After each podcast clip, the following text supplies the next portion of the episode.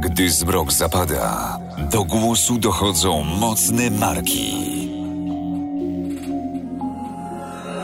Herra on Air. Nocne rozmowy o sporcie, biznesie i przedsiębiorczości. Wyjątkowi goście, aktualne tematy. Mówimy jak jest. Bez ściemy, cenzury i kompromisów. Na żywo. Zaczynamy. Cisza w eterze. Oddajmy głos Herze. Dobry wieczór. Jesteśmy e, w eterze. E, oddajemy głos e, Herze. Muszę tutaj trochę jeszcze poustawiać sobie nam Nie wierzę. audio, a naszym gościem dzisiaj jest ten, który się włączył, czyli Mariusz Kim Łodyga. Mariusz Łodyga. Mariusz Łodyga to jest ten słynny strateg marketingowy z miasta Doznań, czyli Poznań. Miasta know-how też.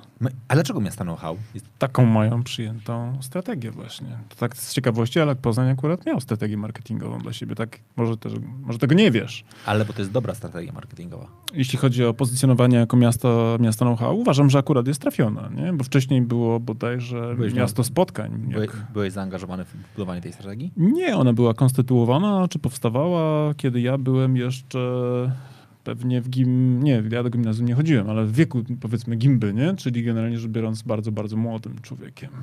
Ty pewnie nie pamiętasz tych czasów młodości już. Nie, bo ja mam bardzo krótką pamięć po prostu. On w tym wieku to nic dziwnego. Ale e, Karolina e, mówi, że cię zna. W sensie napisała znam go, czyli mam na myśli go, to chodzi o to miasto Poznań. Albo Grego. A, ja obiecałem, że ja pozdrowię. Ja chciałem pozdrowić bardzo serdecznie e, mojego przyjaciela Sebastiana Kotowa, który dzisiaj ma 44 urodziny, na których przed chwilą byłem i było tak ciekawie, że wróciłem do studia. Seb- Wolałeś się ze mną Tak, spotkać. Se- Sebastian, pozdrawiam cię serdecznie. To była fantastyczna impreza. E, życzę ci, żeby każde twoje kolejne urodziny były równie dobre. I teraz i to się zagra, to się, teraz wyobraź sobie, to się nagrało, to będzie na podcaście. On teraz będzie mógł sobie puścić podcast i to usłyszeć. No tak, tak, ale to znaczy, że też o nim myślisz, więc ja bym tak nie przekreślał tej relacji między wami. Uważam, że miło, że pozdrowiłeś. Mogłeś nie pozdrowić, wyjść z imprezy i zniknąć. Mogłem? Mogłeś. Nie, ja bym tak nie w Poznaniu tak się robi, ale my tutaj, tak, my, my tutaj jesteśmy porządnymi ludźmi, To naprawdę. jest tani sposób wyjścia z imprezy. O. A słowo tani e, w, w, w powiązaniu z tym miastem, które reprezentujesz, To siedzi, że- nie? To siedzi. To, to siada. Tak, tak. Ale zupełnie poważnie, czy ty masz problem z tym, że macie taki, e, Że tak jesteśmy pozycjonowani tak, jako oszczędni? nie, skąpi, kurwa, oszczędni. Wiesz co, to nie jest oszczędność. Czy ja mam z tym problem? Y, Nie, mój mentor na przykład, kiedy byłem młodym człowiekiem, takim, wiesz, y, bardzo młodym jeszcze, nie, że nie jestem teraz młody, nie, ale wtedy byłem jeszcze młodszy. Niemożliwe. To, no mówię ci, tak było. To on opowiadał, że taką miał taką właściwie przypowieść, nie, że tylko bieda nie oszczędza. Nie? Na zasadzie, że ci, którzy do czegoś dochodzą, tak, to są ludzie, którzy no, nie, nie są biedni, ale też nie bez powodu. Okej, czyli że chodzi po prostu o to, że wy jesteście nastawieni na sukces. No nie wiem, czy na I sukces. wy macie taką strategię osiągania sukcesu pod tytułem e, po prostu osiągniemy sukces z tego, co nie wydamy. to też już jest dużo, nie? Mo, moim zdaniem to jest jakby cały... No cały... zobacz, ale zobacz, jak dzisiaj w polityce wszyscy się niepokoją, że y, O. wydamy wszystko teraz, a nie będzie na przyszłe pokolenia, prawda? Nie, to, to nie jest, że wydamy te, teraz wszystko i nie będzie na przyszłe pokolenia, tylko wydamy to, co przyszłe pokolenie miało w, pracy, w planie zarobić. No. Tak trochę odwrotnie, nie? Bo zazwyczaj było tak, że pracowaliśmy, żeby nasze dzieci miały lepiej, a teraz y, wydajemy, żeby nasze dzieci miały gorzej, nie? E, nie, ja myślę, że to, jest zdecydowane nadużycie. Myślę, że my wydajemy w kategorii, nie mając bladego pojęcia, co nasze dzieci będą miały. Znaczy nam się wydaje, że te 500, plus, które miało po, spowodować, że będziemy mieli dzieci więcej, jest traktowane tak, weźmy 500, plus, tak jakby naszych dzieci miało nie być. Y, no może, może. Ale nie będziemy rozmawiać o polityce chyba, nie? Ale ja nie rozmawiam o polityce, to ja tylko powiedziałem, jaki jest rachunek ekonomiczny tego co, tego, co się w tej chwili dzieje i jest okej. Ale se docinają, fight, fight, fight, napisał Łukasz. Mówiliśmy, mówiliśmy o Poznaniu, to może i o pozycjonowaniu Poznania, to może coś pomówmy też o, o nie wiem, o strategii, co? Czy, co myślisz? Ale dlaczego ty byś chciał rozmawiać o czymś, na czym się znasz?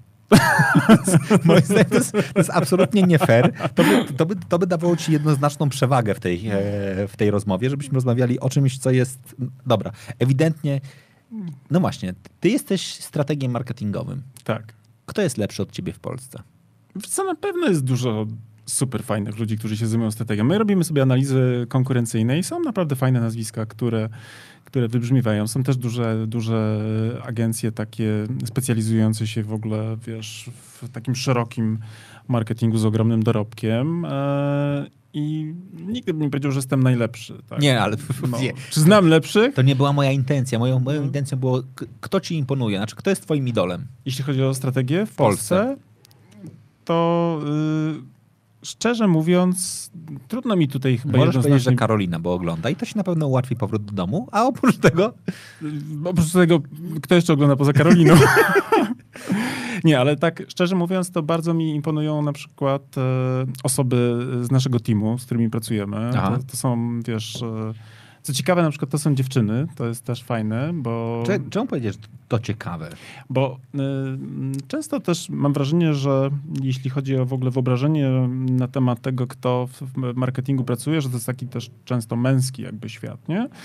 A u nas bardzo naprawdę dobrze ogarniają też tematy właśnie dziewczyny i, i tutaj niewątpliwie na przykład Kasia, która jest naszym takim, wiesz... e, Senior strategiem? No, tak bym powiedział. Ale nie senior- chciałbym użyć słowa senior- senior w odniesieniu do Kasi, żeby Ale nie było nie, zaraz nie z przypału, wieku, nie? tylko z doświadczenia Tak, i z tak, tak. takiego dojrzałego podejścia do, do strategii marketingowej. Tak, tak. Wiesz, Kasia pracowała przez kilkanaście lat w dużych e, międzynarodowych e, brandach. Odpowiadała, wiesz, za jako brand manager za, wiesz, duże marki i jej poziom doświadczeń naprawdę na takich, wiesz, gruntach e, e, i skali jest e, naprawdę imponujący i na pewno mam ogromny do tego, wiesz, szacunek, nie? Wiesz, no ja na, na co dzień się w ogóle spotykam z dużą liczbą osób, bo czasami puszczamy takie ogłoszenia typu hej, rekrutujemy stratega No. i bywa, że naprawdę imponujące, wiesz, osoby z imponującymi na przykład, e, wiesz, resume trafiają do nas. I, I to jest fajne doświadczenie, tak? Bo byli, wiesz, goście, którzy na przykład, nie wiem, był, był szef marketingu na przykład kiedyś Noki i byliśmy na rozmowie i gadaliśmy sobie i, wiesz, opowiadał o swoich takich, wiesz, spostrzeżeniach, kiedy był tam na przykład odpowiedzialny za, za Nokię w Polsce na przykład. Ale masz jeszcze, nie? przekonanie, że tacy ludzie w ogóle dzisiaj chcą przyjść do takich organizacji jak wasza? Wiesz co, y, jesteśmy zdziwieni ilością aplikacji, kiedy dajemy ogłoszenie, w sensie pozytywnym, nie? Mamy naprawdę dużo, bo to jest dość specjalistyczna i dość niszowa forma działalności i okazuje się, że nie mamy problemu z pozyskiwaniem. Czy chcą współpracować? Na pewno. Czy my ich zatrudniamy na etaty? Nie, no bo to jest w ogóle charakter pracy kolektywnej, nie? czyli taki konsorcyjny. No wyobraź sobie, że masz na przykład, nie wiem, 10 strategów i masz na etacie, nie? To, to sobie utrzymaj tego typu ludzi, którzy No wiesz, w Poznaniu tam ile tam? Teraz, jesteście tacy trochę... 8 zł za godzinę, nie? Brutto, brutto, nie? Więc e, tak, chcą, tak, Jesteście smutni, bo mają podnieść najniższą krajową. I ale to przygnębia strasznie. i No, no. O was w Warszawie nie ma awanturota? Wiesz co, nie, bo my generalnie... Nie płacicie, nie? Wszystko na czarno, nie? Wszystko na czarno, plus jakby generalnie my, my kilka razy już widzieliśmy tą naj, najniższą krajową w Poznaniu, więc, więc, więc, więc, wiemy jak będzie. No. Ty naprawdę tego Poznania zazdrościsz, nie? Bywasz u nas często i potem masz taki, Wiesz co, taką bo- bo- zgagę życiową, nie? Nie no, powiedzmy sobie szczerze, ja po pierwsze bardzo często u was bywam, po drugie pół No. mojej rodziny pochodzi z e, Poznania. I pół twojej pensji, z tego co E, kojarzę. Ja mam, wiesz, no ja mam e, przede wszystkim, mamy dom rodzinny w Poznaniu koło Dopiewa, więc jakby wiesz, no ja, ja naprawdę będąc dzieckiem chodziłem do sklepu, znaczy do składu po Po sznykę z glancem. Po, po sznykę z glancem i normalnie ja, ja, zu- zupełnie poważnie, ja bardzo długo mówiłem w ogóle gwarą poznańską i to naprawdę całkiem dobrze sobie radziłem, szczególnie po wakacjach, bo ja całe wakacje spędzałem jako dziecko w Poznaniu. E, Później wracałem, na szczęście byłem, wy, wy- wychowałem się jednakże w Trójmieście, więc szybko prze- przejmowałem gwarę kaszubską. Słowo wychowałem, to chyba trochę na wyrost mówisz. Nie, bo... Urosłeś. Urosłem. Ale jest ładnie dzisiaj. Są, tak, są, takie, są takie cudowne polskie emocje. Jest nam tak miło, przyjemnie, sympatycznie i to tylko wskazuje na to, że to będzie dobry odcinek. A skoro ma być to dobry odcinek, to ja przedstawię zasady tego odcinka, e, bo już udało mi się tutaj połączyć z, e, bo nie mogłem się połączyć w drugim... E, Hasła zapomniałeś. tak, znaczy wpisałem 17 razy złe hasło, ale teraz już mam, mam tutaj dobre hasło, więc będę miał dostęp do dwóch, e, bo jesteśmy transmitowani w dwóch miejscach, nie wiem czy wiesz na tym. Jesteśmy transmitowani na żywo na moim prywatnym profilu. Poznań koło Dopiewa, hello, Palędzie No. koło Dopiewa, Palędzie koło Dopiewa. To Dopiewo nie koło Poznania, tylko w Palędziu koło Dopiewa powiedziałem, nie w Poznaniu koło Dopiewa, chyba że się przejęzyczyłem i tak powiedziałem. Karolina, przepraszam cię bardzo My jak chcieliśmy komuś dogryźć, to mówiliśmy, że jesteś z Palędzia, ale nie chciałbym tutaj osobistych jakichś wycieczek robić. Więc mówmy, że byłeś z Poznania i że, że jesteś, wiesz, ogarnięty w tym temacie. No ale przerwałem ci. Ale czy ty wiesz, że twój samochód jest zaparkowany tak, że ja wiem, gdzie on jest zaparkowany? No wiem, bo się pytałeś, czy to jest naprawdę nasz. Do, do, do, dokładnie tak. W związku z tym ustalmy zasady tego programu. Zasada tego programu jest taka, że my jesteśmy w studio w trójkę, ale tylko dwóch nas widać. To jest Tak, pierwsza zasada. Po, po drugie, mamy taką zasadę, która brzmi o tym, że jeżeli wy, drodzy widzowie, chcecie nam zadać pytanie, to zadajecie pytanie. Jeżeli jest to pytanie, to ono się tutaj sygnalizuje zapaloną czerwoną lampką.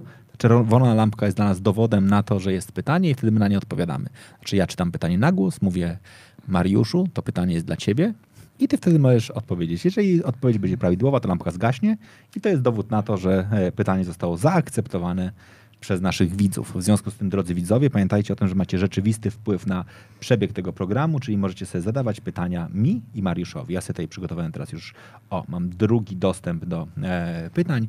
W związku z tym będziemy mogli sobie rozmawiać. No dobrze, zacznijmy od początku. Jesteś strategiem marketingowym.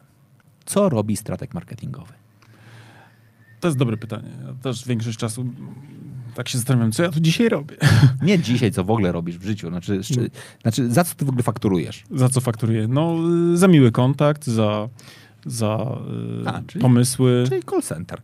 Call center, tak, też między innymi, bo dużo na kolu siedzimy, więc można tak to też, wiesz, powiedzieć. A tak zupełnie serio, nasza praca jest e, mm, pracą, która wydaje się niepotrzebna w Polsce. Nie wiem, czy zwróciłeś uwagę, że ludzie nie czują, że potrzebują strategii. Ludzie potrzebują pewnego takiego impulsu do działania. Ja to nazywam YOLO. Czyli krótko mówiąc, nie czują, że muszą mieć YOLO przez Y czy przez no, J? you live only once, nie? Na zasadzie takie działanie, wiesz, na pewnym spontonie, tak mówiąc bardzo obrazowo, nie? Raczej czują, że muszą bardziej działać niż to, żeby najpierw zanim podziałam, to sobie na przykład przemyśleć, nie? I teraz wyobraź sobie na przykład schemat, jesteś inwestorem, chcesz założyć e, jakiś biznes, który będzie na przykład internetowym jakimś tam, powiedzmy, Ej, załóżmy, że jestem nowym startupem, w związku z tym robię to samo. Produkuję wodę i to będzie taki, tak, tak, taki, taki Uber wody. dobrze, taki Netflix wody, Taki- może taki- bardziej, taki żeby było Netflix- Netflix Netflix wody? Tak. Taki, taki wa- water on demand. No właśnie. I teraz to nie jest tak prosto, nie? Bo woda na przykład jest e, jedną z najbardziej generycznych kategorii. Mhm. Nie? To właściwie tak naprawdę, co tu chcesz ugrać z wodą, prawda? Jak to co, że ona będzie on demand? E, no dobrze, no to jak dostarczysz tą wodę, tą, tą on demand, nie? To jak... Będę miał butelki. Będę miał taką butelkę sobie tutaj, o, będę miał taką butelkę na przykład w, e, w kolorze khaki i moro. No. Będę mógł dostarczyć taką wodę, no? I teraz tak, jak na przykład jesteś takim, e, jesteś takim właścicielem takiego pomysłu na startup, tak, który będzie sprzedawał taką wodę, no to możesz na przykład podejść tradycyjnie, czyli krótko mówiąc walczyć o dostęp do dystrybutorów. Nie? Tak. Na zasadzie, wiesz, docierać do, do dużych e, e, punktów sprzedaży, negocjować warunki i mieć na przykład nadzieję, że trafisz na półki. No i powiedzmy, że to jest jakiś tam powiedzmy koncept tradycyjny. A z drugiej strony możesz też na przykład myśleć na tym, jak będziesz różnicował swoją wodę, żeby za twoją wodę chcieli ludzie płacić, Bo to nie będzie zwykła, to, to będzie Bo woda to- po, po 12 zł. na przykład, nie? I teraz jak to możesz zrobić, nie? Albo na przykład y, odkryjesz jakieś magiczne źródło, które sprawi, że na przykład, nie wiem, będziesz po prostu, wiesz, leczył choroby, no krótko mówiąc, wiesz, cuda, O, nie? to będzie lewoskrętna woda. Na przykład, nie? Był taki ostatnio człowiek, Był. który na witaminie C zbił majątek lewoskrętny. Ale już właśnie ja To już chyba nie robi biznesu śledzić, czy, czy już siedzi, czy nie, ale ja będę miał lewoskrętną wodę, gdzie faktycznie jakby wiązane galwaniczne H2O będą w lewą stronę. Nie wiem, czy dobrze powiedziałem o I, tej z wiązaniu. miłością, z miłością O, koniecznie. to, to będzie water with love. Tak, na przykład. Czyli my na, na żywo szyjemy tą strategię. Na przykład. Nie, ale wyobraź sobie, I nie, ty że... za to bierzesz pieniądze? Tak. Boże. Tak, tak, tak. No. Tylko to jest trochę bardziej skomplikowane. Natomiast Okej. w, praktyce, w praktyce to jest też tak, Wojtku, że mm, Water. Czy ona się będzie nazywa water czy woda? No, water, Water. water, water, Water. No, water, fater, nie? Czyli fater, water, woda dla ojca na przykład. ojca. Nie? Dla ojca. I teraz wyobraź sobie na przykład schemat, w którym e, próbujesz bez pomysłu sobie wprowadzać jeszcze jedną wodę na rynek. Tak? Smakową. Trudny temat, nie? To jest trudny temat, bo ci, którzy są na rynku, oni są bardzo mocno rozepchnięci, plus jeszcze mówimy o czymś takim jak w ogóle budowanie świadomości e, tej, tej marki, powiedzmy, twojej konkretnej w umyśle grupy docelowej. A jeżeli ja sobie piję żywiec od na przykład 10 lat, to teraz będzie mi bardzo trudno sobie wyobrazić, że na przykład e, Fater Water będzie moją marką pierwszego wyboru na przykład. Szczególnie, Nie? że jest on demand. Na przykład, nie? Albo w ogóle, na razie nie mówimy on demand, prawda? Bo nie, nie mówimy o wyróżnikach, które sobie Okej. gdzieś tam wykminiłeś, tylko na razie myślimy sobie, jak ogarnąć ten temat, żeby we- wejść z wodą Fater Water. I teraz jak będziesz chciał robić to samo, co wszyscy, czyli robić na przykład super wodę i mieć na przykład ją w sprzedaży gdzieś tam w sieci detalicznej, no to zasadniczo jakie masz te przewagi? Albo zrobisz ją taniej i zarobisz na wolumenie, tak? Bo będziesz miał jakieś super tanie źródło i będziesz miał jakieś, nie wiem, tanią produkcję, bo sobie otworzysz fabrykę na przykład gdzie? Na Saskiej Kępie na Nie, przykład. na, Nie, nie, w Palędziu. Z Palędziu. W No, Palędziu w końcu mam tam ziemię, to tam będzie No. fajna fabryka, będę miał do Poznania blisko. tak. A Fater to tak trochę po niemiecku, to Poznań weźmie. Oj, to by tam szarpało. No, W Palędziu na pewno by szarpało. nie? dokładnie. No i wyobraź sobie, Mamy wyobraź, strategię. tak, i wyobraź sobie, że to jest mniej więcej taki rodzaj myślenia, który w 90 pewnie przy procentach przypadków generalnie u nas pokutuje, nie? Ale Typu- zupełnie, ale masz, po, masz poczucie, że to dokładnie tak wygląda? Tak, no przecież o tym rozmawiamy, No, tak, ale dokładnie tak, ale o tym do, rozmawiamy. dokładnie tak, siedzi tak. sobie biznesem ze szwagrem i mówi ty, jak, Tak. jak byśmy to nazwali? No water, water, no dobre. A, a logo? Masz jakieś logo? No tutaj No to... normalnie, WF. to tam- WF. To się dobrze kojarzy, będziemy mieli zaraz to stop zwolnieniom z WF-u i od razu pójdzie. Słuchaj, ale jest taki case a propos w ogóle namingu w Polsce, no to kojarzysz, jest taka masarnia z, ze Stolca. Serio mówię, jest masarnia Stolec. Tak, jakby, nie wiem, czy oni nadal funkcjonują, ale widziałem jako case. Tak, więc było to autentyczne i, i są po internecie też powrzucane. I teraz... Ale no, b- bo myślisz, że ktoś zrobił na przykład ten? Eee, Wiesz co, ja podejrzewam, że jest miejscowość Stolec. ale je, je, nie, Rozumiesz, że tam jest masarnia, więc dumny, dumny, syn, dumny syn ziemi stoleckiej, stołeckiej, Stoleckiej. stoleckiej stwierdził, no co będę zmieniał nazwę, po prostu jesteśmy tak jak, wiesz, Jak nazwa? jak, jak nazwa miejscowości. A to nie? pod, pod SEO dobrze wchodzi. I teraz wyobraź sobie na przykład, że wrzucili do tego elegancki, Moim zdaniem frazy po prostu chodzą jak wściekłe. E- elegancki też claimik, zawsze świeże wy, wyroby, nie? To jest autentyk, nie? Czyli masz y, masarnię stolec i zawsze świeże wyroby. Nie. I to, to jest prawdziwy case. To jest prawdziwy case, nie? I teraz tak naprawdę biznes zawsze wychodzi od takich kwestii typowo operacyjnych, nie? Czyli właśnie myśli sobie, będę sobie robił wodę, nazwiemy ją fater water na przykład, a nie myśli o tym w kategorii, okej, słuchaj stary, czy naprawdę świat potrzebuje miliona pierwszej, yy, wiesz, butelki z jakimś tam kon, kon, konkretnym, yy, wiesz, produktem, a może trzeba zrobić coś innego. Zwróć uwagę, na przykład, ja mam taką teorię w ogóle, a propos wprowadzania w ogóle nowych marek na rynek, że za sukcesami dużych marek stoi przede wszystkim dobra strategia marketingowa, a potem oczywiście takie rzeczy jak super na przykład technologia albo sprawność operacyjna, te wszystkie procesy. Dobra, teraz ale- oczywiście kwestia, poczekaj, dys, dy, to jest kwestia oczywiście kładzenia nacisku, co było pierwsze, jajko czy kura, nie? I teraz zwróć uwagę na, na sukces mm, wyszukiwarki Google. Zobacz, kiedy oni powstali? Kojarzysz? Nie? No tam powiedzmy 90 chyba 6, 7 rok, jak piras z drzwi jakoś tak, nie? Mogę się o rok mylić w tą czy w tamtą. I teraz zwróć uwagę, czy Google była pierwszą wyszukiwarką internetową na świecie? Nie. Nie była, nie? Co było wtedy jeszcze? Nie wiem. No był Yahoo na pewno. Był Yahoo. Na pewno był. Potem było co jeszcze? Alta Vista chyba, tak? Dobrze, dobrze kojarzę? Coś Dobrze takiego kojarzysz. było, nie? Co jeszcze mogło być tam? Nie wiem. ale- AOL tam prawdopodobnie, czy Ameryka Online, pamiętam jak, tak? To, to były takie powiedzmy y, już, już y, wyszukiwarki. I teraz, czym się charakteryzowały te wyszukiwarki? W owym czasie. I podejrzewam, że nie wymieniliśmy nawet y, połowy ich wszystkich, nie? Tam pewnie były jeszcze jakieś inne. Co, czym one się charakteryzowały? Pamiętasz te wyszukiwarki wczesne? A wiesz, jak wygląda one dzisiaj? Wiem. A jak wygląda tam wirtualna Polska i tak dalej? Jak one wyglądają? Jak dawne czaty. Znaczy dawne jakby portale Tak, takie. jakby, wszystko, nie? wszystko Mydło i ma- powi było. Tam Mhm. imieny Janusza, newsy giełdowe, po, prognoza pogody, wiesz, ze świata, ploteczki, wiesz. No, prawda. praktycznie rzecz biorąc portal, nie? Taki właściwie wrota do wszystkiego. I teraz zwróć uwagę, czy Google wygrało tak Okej. naprawdę, bo było lepszą wyszukiwarką niż tamte technologicznie? Być może, bo tutaj, wiesz, ja nie jestem technologiem, więc nie wejdę w jakość kodu i nie powiem, stary, ten algorytm naprawdę był sztos. Ale moim zdaniem algorytm był drugorzędny w tym przypadku. Ludzie wybrali versus tamte wyszukiwarki, dlatego że Google miał bardzo dobrą strategię marketingową. Oni może nawet tego tak nie nazywali, chociaż mm, de facto, wiesz, nie chciałbym deprecjonować jakby tego, że Amerykanie nie wpadli na to, że potrzebują przemyśleć sobie pozycjonowanie na przykład versus to, co robią Mhm. konkurenci, nie? Bo to jakby, wiesz, to jest u nich dość e, taki, bym powiedział, podstawowy, basicowy przedmiot nauczania, wiesz, w szkołach biznesu. A przypuszczam, że chociażby mogli sobie pogadać z kimś na zasadzie, stary, odpalimy sobie taki, wiesz, startup, no i chcemy robić, wiesz, takie kwestie, które będą pomagały znajdować w katalogach. No nie chcę cię nudzić, stary, ale musimy się wyróżnić, bo tego już jest odpyty na, na rynku. Co radzisz? A może sami na to wpadli. I teraz genialnie wyradzili. Słuchaj, stary, wywal wszystko, co nie jest wyszukiwarką. wyszukiwarką. Prawda? I zobacz, doszło do sytuacji, w której Google stało się monopolistą na rynku wyszukiwarek i dzisiaj można powiedzieć, że to jest ewidentnie naprawdę technologicznie sztos i że tam zabijają, wiesz, wszystkich, e, wiesz, na, na kilometr, jak się zbliżysz do algorytmów, bo to są tak, wiesz, do, dojechane algorytmy, ale przypuszczam, że algorytmy Yahoo czy, czy tych dużych innych też mieli, wiesz, programistów na, na wiesz, prima sorcie. Natomiast to, co zdefiniowało sukces Google'a, to moim zdaniem tak naprawdę odważna decyzja o zrezygnowaniu z wszystkiego tego, co nazywamy tą, tym szumem.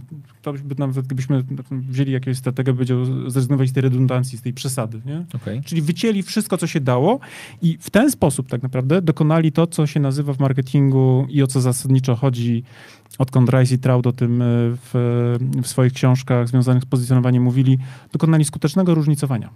Czyli Google stało się unikalnym takim, wiesz, partnerem dla ludzi, którzy szukali informacji online.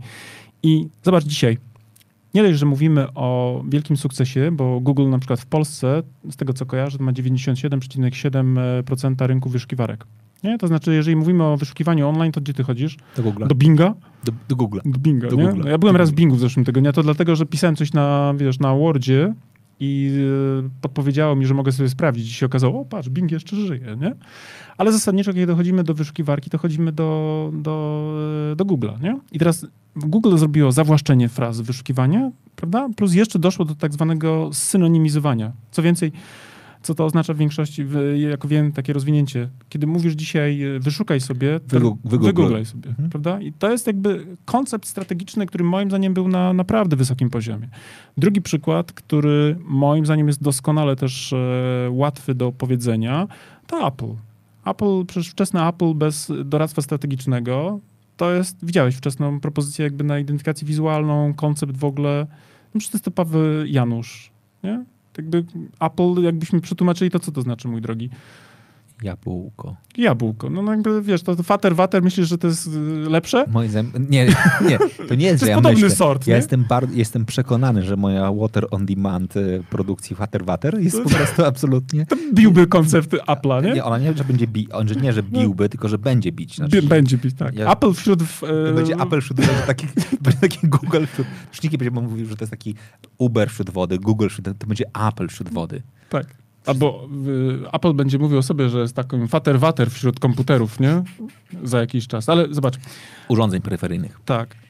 E, Apple e, za wczesnego Jobsa, to była już firma garażowa. Tak? No. Mieli pomysł na to, żeby nam robili te komputery osobiste. To na pewno było bystre, ale oni nie byli jedynymi. Przecież mm, czytałeś biografię pewnie, no to wiesz, że tam co drugi w, wiesz, skręcał w garażu Mhm. komputery, tak? Tam zaszły parę, zasz, zaszło parę fajnych, ciekawych rzeczy, które spowodowało to, że marka Apple stała się tym, co miało później szansę, wiesz, doprowadzić do takiego splotu okoliczności i tego, co dzisiaj mamy z nimi.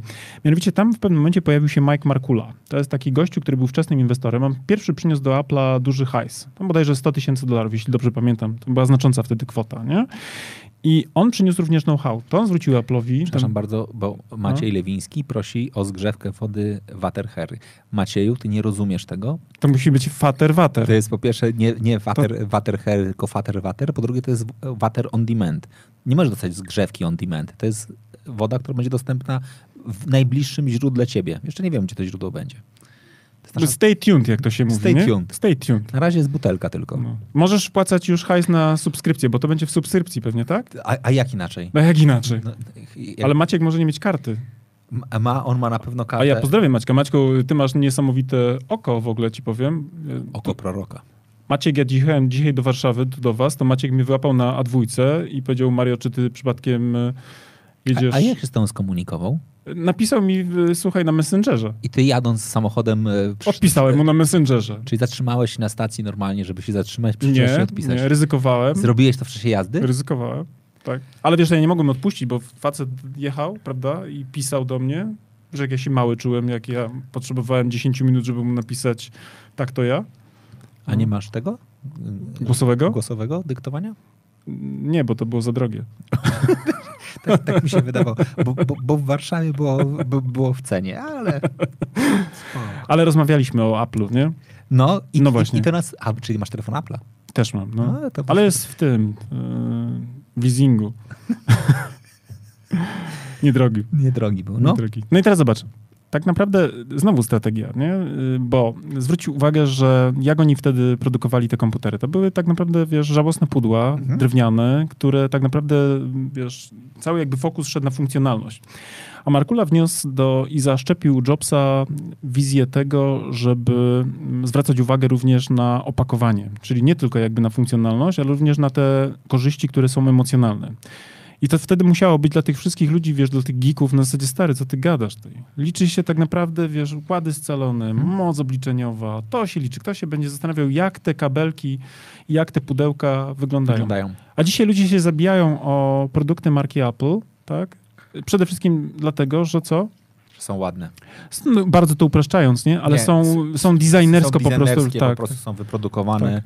Można im zarzucić bardzo dużo co do technologii, która... e, Ale Apple Design dzisiaj jest marką, prawda? Tak. Sam, sam design Apple'owski jest dzisiaj marką. I teraz znowu, to, są takie myśl, to jest takie myślenie, które bierze się właśnie z e, mariażu dobrej funkcjonalności, tak? Z ludźmi, którzy myślą w kontekście strategicznym, ale bo, bo strategia często jest takim kojarzona z takim nudnym żargonem typu strateg, to znaczy będzie liczył w Excelu jakieś, wiesz, słupki, y, optymalizował procesy gdzieś tam takie, wiesz, e, zarządcze. A tak naprawdę strategzy to są ludzie, którzy czasami po prostu ubierają rzeczy w taki, e, wiesz, mm, nazwijmy go packaging, nie? czyli opakowanie tego produktu, że dla ludzi nagle stają się to kultowe jakieś tam rozwiązania. Potem, zobacz, Apple znowu spotkało na swojej drodze bardzo ciekawą osobowość, mianowicie Regisa McKenna. Regis McKenna to jest taki facet, który zasłynął w Dolinie Krzemowej tym, że był takim e, strategiem, ale od firm technologicznych. No, on był nazywany w ogóle wizardem, wiesz, firm technologicznych. On w ogóle zasłynął kampanią Intela. No i tam Jobs go zobaczył, wiesz, spot Intela w telewizji mówił, kurczę, muszę mieć tego typa, żeby on do mnie współpracował. No i teraz jak pożenił jeszcze Markula, Jobs y, i y, McKenna, jakby powstał z tego jakby, wiesz, konglomerat, nazwijmy to, y, osób, które miały władzę nad rozwojem spółki, to się okazało, że McKenna jeszcze przyniósł im odpowiedzi na pytanie, jak będziemy się pozycjonować versus giganci. Bo Mhm. Apple w pewnym momencie chciało się pozycjonować jako firma, która będzie walczyła z kim? Kto był w owym czasie największym jakby producentem komputerów? IBM. E, W e, przypadku sprzedaży IBM było takie powiedzonko, że wiesz, sprzedawcy IBM-u nie, mówili swoim ludziom na prezentacjach sprzedażowych, słuchajcie, a tak w ogóle to nigdy jeszcze z Corpo nie został zwolniony z powodu zakupu IBM-a. Bo taki był mindset, nie? Mhm. Była tak silna marka, że wiesz, że zasadniczo, dobra, nie wiemy po co nam to cudo, ale wszyscy mają, no to jest. IBM, miejmy to, bo, bo tak to działa. I oni się zastanawiali w ogóle, tak, na zasadzie był taki koncept, na zasadzie, hej, chłopaki, my z tym Apple to jesteśmy chyba trochę w czarnej D, bo stary, no to jest jabłko, no mówmy się, to jest jabłko, nie? Plus y, IBM to jest taka poważna firma, a my tu jesteśmy firmą jabłko, jakby tłumacząc to bezpośrednio. I wtedy e, McKenna zaproponował, słuchajcie, będziemy pozycjonować się na zasadzie kontrastu. Tak? Czyli nie będziemy drugim IBM-em, tylko świadomie będziemy wszystkim, tylko nie IBM-em. Mhm. Nie? I to są, widzisz, takie decyzje, które człowiek może powiedzieć, ale wiesz, to jest detal, nie? Te detale, jeżeli przełożysz na później czynności operacyjne, jesteś konsekwentny, to się okazuje, że tworzysz unikalny wizerunek i unikalne pozycjonowanie, które sprawia to, że ludzie są w stanie zapłacić akurat za Apple, za komputer. Na co, w co klikasz tutaj? Masz- Apple, Apple, Apple, No. Apple, Apple, No. Apple. To komputer Apple'a, taki, y, ty pewnie z tego MacBooka ile? Ja, ja, ja tanio, bo dwa- 2200 na wyprzedaży. Dziecku zabrał, Dziecko nie? zabrałem. Dziecko z komunii. Dostało nie? na komunię, to sobie, to sobie wziąłem, teraz mam taki nowy. No ale rozumiemy, nie? Że komputer Apple'a, pi razy drzwi z 12 koła, Mhm. taki MacBooczek, prawda, jakiś Pro i tak dalej, nie? Yy, A ktoś może ci powiedzieć, kto pracuje gdzieś tam na zwykłym jakimś pececie i powie ci, stary, no ale za, ten, za tą konfigurację, no to w topie dał ci piątkę i to Mhm. dlatego, że cię lubię i nie chcę cię skrzywdzić, nie? Więc to są, to są rzeczy, gdzie strategzy zaznaczają swój wkład. Tak? Najczęściej, yy, wiesz, o strategach się nie słyszy, no bo jak strategia zawiedzie na przykład, to firma pada na przykład. I o tym chciałem za chwilę No się właśnie. spytać. O to chciałem się spytać, bo ty mówisz dokładnie, wymieniłeś dwie piękne marki i przepraszam bardzo, jak się mówi o sukcesie, o sukcesie tych marek, to nikt nie mówi o strategii. Tak, tak, tak. Wszyscy mówią o leadershipie, Tak, wszyscy tak, mówią tak. O, przy, o, o przywództwie założycieli, mówią o wizji. A wiesz dlaczego? No, Bo to jest sexy. Bo Steve Jobs jako człowiek jest łatwy do przełożenia na jakieś normy kulturowe, na, na kod, który rozumiemy, tak? No bo też zresztą zdecydowanie lepiej brzmi teoria, w myśl której na przykład magiczny, magiczny jakiś jeden pojedynczy człowiek wymyślił, wiesz, coś tak innowacyjnego. Ty no stary, ale wyobraź sobie cytat motywacyjny, tak? No, pod- no, pod- no, no, tytułem wiem, wiem. Żeby osiągnąć sukces, za, za, zatrudniłem stratega. Tak, Steve tak. Jobs. No, no, No i, no, na zasadzie to się nie, to się nie klei. To się nie, to... i teraz goście chodzą z tym na koszulce, tak? Tak, tak, Mówią, tak, wiesz, tak. na, co, Absolutnie. na, na co drugiej konferencji Absolutnie, slajdy. Tak, tak. Cyk, cyk, cyk. zrozumiałe, nie? Tak. To jest absolutnie zrozumiałe i dlatego też e, o strategach generalnie się nie dyskutuje. Na przykład sobie tak żartowaliśmy trochę o, o kampanii politycznej i o tym, kto dzisiaj sprawuje władzę w Polsce i mówiliśmy o tym, Nie. że... No mówiliśmy o tym. Władzę sprawują goście, którzy mają absolutnie najlepszą strategię, jaką można sobie wyobrazić. No właśnie. I teraz, tu, tu pełna zgoda, nie? Że, I tu można z tego żartować lub nie, natomiast trzeba sobie powiedzieć wprost, że strategicznie to jest podopinane, nie? I teraz możemy sobie powiedzieć tak, że znamy frontmenów kampanii, wiemy, kto był twarzą tych kampanii, wiemy, kto wszedł do parlamentu, ale jakbym ci się zapytał, kto stoi za strategią y, partii, która wygrała, no to byś miał duży problem, żeby zdefiniować te nazwiska, nie? Ja sam muszę doczytywać, na przykład, bo jestem ciekaw, kto tam grzebie w tych paluszkach, bo to są naprawdę, wiesz, grube, grube zestawy jakby kompetencji, które tam się mieszają, nie? To nie jest tak, że y, to są sexy postacie. Nie? One nigdy nie były pierwszoplanowe. Mhm. Tak? Natomiast uważam, że mm, każda organizacja, która chce myśleć o rozwoju, musi szukać sobie też zespołu doradców, tak? No bo mówisz o przywództwie w organizacji. Ja absolutnie uważam, że Steve Jobs był y, facetem, który na pewno potrafił inspirować, czy był dobrym liderem. E, Mam duże wątpliwości. No. Z perspektywy osobowości to tam był nie jeden y, wiesz, problem pewnie do y, mocnej, wiesz, y, no nie, tam nie jeden, no tam dwa, Tam- trzy, dwa, trzy góra. No. no w topie, nie? Zwłaszcza w młodym okresie. Daj Na- spokój, no był po prostu porywczy. Kaziu, no. No, daj, Kaziu. no jak, jak chcesz robić gruby... Mógł zabić. Jak, jak chcesz robić gruby biznes e, e, water-fater, no, No musisz, musisz, musisz sobie czasami z emocjami umieć poradzić, musisz, nie? No, to, to nie jest tak, wiesz, to, to, No. wiesz, no, to, to nie jego wina, że Tak. czas, cza, czasem wybuchł. Natomiast wiesz, to jest tak, że y, strategzy, strategzy są bardzo ważni. I na przykład my mamy takie, bo mówimy sobie o markach takich, wiesz, e, ze świecznika globalnych, o których wszyscy słyszeli, bo to są dobre przykłady, żeby, bo wszyscy wiedzą, czym jest marka Apple dzisiaj, nie? Ale ja na przykład mam bardzo fajną współpracę z marką, która nie jest globalnym oczywiście brandem, ale w Polsce się rozpycha nieźle na swoim podwórku. To jest na przykład marka Pyrkon. Ty możesz nie kojarzyć, bo ty jesteś już spoza tego jakby targetu, ale to jest największy festiwal fantastyki w Polsce, a może też już e, w Europie. Przynajmniej na pewno ma takie aspiracje. I teraz Pyrkon to jest e, fantastyczne miejsce spotkań, jako obietnica, którą Pyrkon składa. I Pyrkon do nas trafił w 2000 bodajże 16 roku na pierwszy taki kontakt w osobie tam jednego z e, przedstawicieli. I Pyrkon położył sobie taki, wiesz, ambitny plan na to, żeby wyjść na taki wyższy poziom w marketingu. No bo to jest e, duży potencjał. Nie wiem, czy w ogóle kojarzysz, na czym polegają te konwenty fantastyki. Tak jakby nic. Ja wszedłem mocno w temat, bo Znaczy, wiesz, ja jestem w stanie sobie wyobrazić, że jakbym tam musiał pojechać, to bym się przebrał. musiałbyś się w E, coś pe- przebrać. Pewnie za jakąś postać. Znaczy, ty byś się przebrał za herę pewnie, nie? Nie, bo bym W nie- tym stroju ci bo- powiem, bo by nie- ci powiedzieć czubaka, a powiem ci, że w cywilu wyglądasz konkret. Taki dobry. Taki, taki dowcip spod Poznania, bo jakbym się przebrał za No, ale Star Warsów kojarzysz, wiesz. wiesz? Ja kojarzę bardzo dobrze. Mm. Ja, ale nawet ten był mi przykro ostatnio, jak ten No. aktor grający Czubakę niestety tam. Czyli kojarzysz bohatera. Tak, strzelił, No. no. Czyli my, no, ty byś się, krótko mówiąc, na Prykonie odnalazł. To, Tak. do tego jakby konkluzja zmierza. Natomiast Prykon jakby zrozumiał, że jeżeli chce wejść na przykład na pewne poziomy, czyli na przykład zwiększyć wolumen sprzedawanych e, biletów, jeżeli chce zwiększyć na przykład e, też wartość postrzeganą całego konwentu, czyli krótko mówiąc e, monetyzować bardziej pewne rzeczy, Mhm. tak mówiąc naokoło i delikatnie, myślę, że rozumiemy o co chodzi, no to musi dopracować też to na poziomie strategicznym, tak? I to są takie rzeczy, które mm, były procesowe, bo najpierw na przykład zrobiliśmy badanie z, dla klienta na zlecenie klientów, z, oni się zbadali, na przykład zrobili audyt marketingowy na przykład, nie? Wyszło, wiesz, takie rzeczy, które powodowały, powiedzmy, to były drobne na przykład pęknięcia, ale te, ty, ty lubisz metaforę leja, nie? Tak? Wiesz, że z leja zawsze cieknie, nie?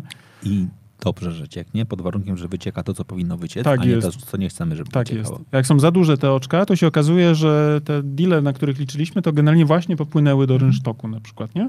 I teraz okazało się w audycie, że pewne rzeczy są do skorygowania i jedna z rekomendacji było taka, hej Pyrkon, jeżeli chcecie wejść na wyższy poziom, no to dobrze byłoby na przykład dookreślić pozycjonowanie wasze versus inne festiwale fantastyki w Polsce, nie? No a bo... ile jest festi- festiwali fantastyki No tam Polsce? 4-5 takich, wiesz, Naprawdę? dużych, tak, bo tam masz na przykład już dużych graczy, na przykład jest Comic Con, to jest e, taka, bym powiedział, franczyza amerykańskiego festiwalu, który, za którym stoi na przykład e, mm, cały, wiesz, potencjał e, ptaka.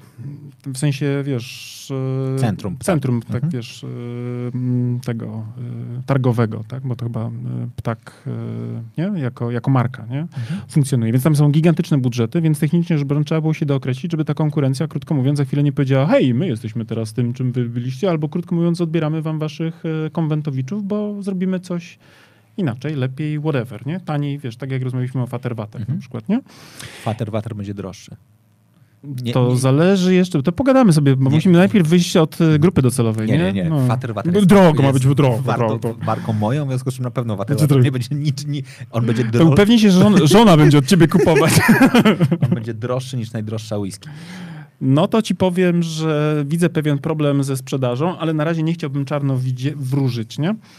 Ale wracając do tego Pyrkonu, no to e, nawet takie e, wydawałoby się marki e, tutaj polskie już zaczynają dostrzegać właśnie to, że mogą na poziomie strategicznym pewne rzeczy sobie porobić. Czyli na przykład dookreślić pozycjonowanie versus te e, festiwale konkurencyjne.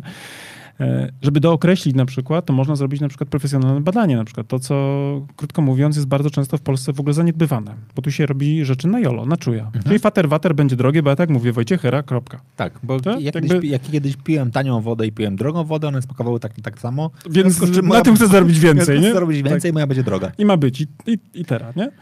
Więc y, akurat w tym przypadku okazało się, że jednak jest odmienny mindset i, i że zrobią badanie. W ramach badania ustalono tak naprawdę, po co ludzie przyjeżdżają też i ustrukturyzowano to w formie insightu, y, po co ludzie przyjeżdżają na festiwal. Okazało się, że byliśmy na tej podstawie wyodrębnić najważniejsze wartości marki, które były z, wiesz, z, z, z, z, z mi, y, spójne z tym, czego oczekiwali ludzie, którzy przyjeżdżali na ten festiwal. A jak się schodzą wartości ze sobą, tak jeżeli ty na przykład lubisz popić wodę, ja lubię popić wodę, to co? Nagle się okazuje, że jesteśmy sobie bliżsi, nie? A jak jeszcze pijemy wodę na przykład gazowaną i lubimy ją z palędzia, palędziańską, Palędziańską, palędziankę. palędziankę, water, water, palędziana, Ja pierdziel, ale to Rozumiesz? będzie, to, to, to będzie za brand? no, to się nagle okazuje, że między tymi grupami zaczyna e, pojawiać się styk, tak? Zaczyna się kleić. I teraz, jeżeli masz podokreślone chociażby takie elementy fundamentalne, które tworzą to pozycjonowanie marki, bo powiedzmy wartości wchodzą w te filary, na których się pozycjonuje, no to potem się okazuje, że obietnica, którą marka składa, zaczyna rezonować. I ona zaczyna przyciągać też ludzi do, na większą skalę. I okazało się, że 2016 rok, to na przykład na evencie było y, 36 tysięcy uczestników festiwalu, Mhm. A w 2019, w tym roku, po półtora rocznej już egzekucji strategii marketingowej, y, strzelili do 52 tysięcy. Czyli przyrosty naprawdę potężne. A to nie jest tak, że w Polsce ludzie się rodzą, prawda? W przebraniu, tak jak ty masz akurat dzisiaj naturalnie czubakę nosisz. Tak, nie jest to do końca norma. Tak, bo do festiwalu... I to nie, nie wszyscy tak chodzą? To, to, to przepraszam. A ty nie wiedziałeś? Nie, nie, nie czułeś tego? Ja, ja po prostu gdzie nie Ty pójdę... po prostu to- myślałeś, że ten fame to jest Wojciech Hera, To nie? jest ten, a to, to, to nie to? A nie, nie zwróciłeś uwagę, że są zdziwieni, jak podpisujesz się Hera zamiast czubaka? Nie, bo ja dawno się nigdzie nie podpisałem. A, to stąd. To stąd. To stąd. Ale to ładne jest. No. Dobra, ale czekaj, bo ty poszedłeś bardzo, bardzo daleko. Ja bym chciał się zupełnie poważnie zatrzymać yy, na temacie, który, o którym ty powiedziałeś, że nie będziemy rozmawiać, a jednak, że będę o nim rozmawiał. Jezu, panie polityka. Polityka. Ja jutro będę w ministerstwie przemawiał i ty chcesz, żebym jeszcze dzisiaj sobie... Yy... Zepsuł humor? Nie. Ja mam zupełnie poważnie. Znaczy, ewidentnie jakby spojrzę najpierw na część rządzącą sceny politycznej. Nie mają słabego punktu. Znaczy, Jeśli chodzi o strategię, tak. uważam i to mówię abstrahując, bo tutaj ja od razu zrobię taki mały disclaimer. Absolutnie nie jestem zaangażowany niestety w żadną partię w Polsce, jeśli chodzi o moje emocje, bo nie czuję się niestety reprezentowany. Jestem, wiesz, w tym w tym biednym kawałku, który Mhm. czuje, że nikt dla niego nic nie robi, muszę sam sobie wszystko zrobić. Mhm. Jakby, rozumiesz o co chodzi, Wiem. tak? Znaczy- nie czuje się częścią elektoratu niestety Jesteś- zwycięskiej partii. Znaczy, nie? jesteś w tej części, która ewidentnie może powiedzieć, że narracja polityczna pod tytułem rozwiązać PiS, pokonać PiS, zajebać PiS jest za małą obietnicą wyborczą, Tak, żeby tak. porwała cię, Uważam, że to jest żadna obietnica żeby, dla mnie. Żeby cię porwała Tak, tak, emocjonalnie tak, i jakby Tak. No to nawet chodzi do... jesteś wiesz, niestety w tej części A nie wy- jestem wyborców intelektualnych, którzy mówią, ok, fajnie, podoba mi się na poziomie głosowania, macie mój głos, ale tylko dlatego, że mam pewną odpowiedzialność społeczną, ale to nie jest jakby narracja, która jest w stanie porwać pozostałą Ja sobie zdaję sprawę- dużą część osób, który, którzy nie są w stanie Ja zagłosować. miałem kiedyś na przykład studia, na studiach zajęcia z reklamy, nie? I e, jakiś tam, już nie pamiętam niestety już nazwiska profesora e, i opowiadał e, o tym, bo był taki zdziwiony, na zadałem pytanie, czy uważamy, że reklama e, tam jakaś tam typu Ociec Prać albo tam Polena 2000, czy to jest dobra reklama. No i oczywiście większość studenciaków w owym czasie, nie, to jest dupy reklama i tak dalej. Nie? A nie zastanawialiście się, że wy przypadkiem nie jesteście w targecie? Dokładnie tak. jakby nie do was jest skierowany ten przekaz. Nie? I teraz ja zdaję sobie sprawę, że akurat y, partia, która wygrała, to nie jest partia, w której ja targecie się znajduję. Mhm. Tak, jakby to jest oczywiste i Ale tutaj, też... tak, ale znaczy- też niestety opozycja, która chciałaby nas złowić, absolutnie nie wie, jak trafić. y, I właśnie o to mi chodzi. Znaczy, nas, bo, bo jeżeli byś sobie wziął, ja rozumiem, że ty jako strateg zaczynasz od tego, że mówisz, że dobra, e, pokażcie mi target grupę. Znaczy pokażcie mi demografię, pokażcie mi target grupę, pokażcie mi wszystkie jakby zmienne, gdzie są wasi ludzie, a następnie pokażcie mi wolumeny. Ja bym jeszcze dodał, e, powiedzmy, jeszcze pogadajmy sobie o psychografii. Tak? Psychografia, czyli e, e, wartości, tak? jakimi Okej. się kierują, styl życia, potrzeby, tak? Co i na to- przykład, które też media konsumują, bo to są ważne rzeczy z perspektywy... no. cokolwiek byś nie określił, na koniec są wolumeny, czyli określenie dobra, to ilu potencjalnych Tak, tak. jakby... Jaki mam zasięg w jaki tym macie- rynku? Jaki mamy Tak, zasięg tak. w tym rynku. I moim zdaniem, jeżeli mówimy dzisiaj o polityce, to jest bardzo jakby, myślę, że bardzo ważna rzecz. To jak chcesz przejąć władzę, to nie możesz być partią niszową. Dokładnie tak. nie możesz być taką firmą konsultingową, butikową, która wie, że będzie pracowała dla 30 klientów rocznie. Do, znaczy, kto- Rozumiesz, nie? Jeżeli chciałbym... ktoś kiedyś no. powiedział, znaczy ktoś niedawno powiedział bardzo ważne zdanie, znaczy najważniejszy moment strategiczny, w którym obecna władza wygrywa wybory, to jest moment, w którym oni zrozumieli rzecz, której myślę, że od 89 roku większość partii nie chciało zrozumieć, że wartość głosu w Polsce jest jedno, jedno, jednakowa. Znaczy wartość głosu profesora Tak, tak. i wartość głosu su 17, o dobra, 18-latka. I demokracja plus, niestety plus, polega na plus tym, jeden dzień, w, Że wygrywa ten, który ma na koniec dnia więcej. Kropka. Koniec. Tak. I nie można mówić o tym, że Tak. wartość głosu e, profesora liczy się 7 razy głos e, kogoś. Nie w demokracji, e, mój drogi, nie? Nie w demokracji. Tak, w tak, związku tak. z czym z tej perspektywy, jeżeli chcesz wygrywać wybory, musisz walczyć o głosy osób, których jest najwięcej. I teraz zwróć uwagę, nie? że akurat tu są genialne ruchy strategiczne, bo mm, to już abstrahując nie? od wszystkiego, ale jasny przekaz do grupy docelowej, jasne zdefiniowanie, co ta grupa docelowa y, mm, potrzebuje na poziomie wartości, ale też i na poziomie też e, emocji, czyli jakie na przykład emocje trzeba dostarczyć, żeby krótko mówiąc zaktywizować, albo też na przykład uspokoić, albo wzburzyć. Nie? Jakby Mhm. wszystko rozpoznane na poziomie naprawdę, zmapowane jest to doskonale. Nie? Tam nie ma błądzenia.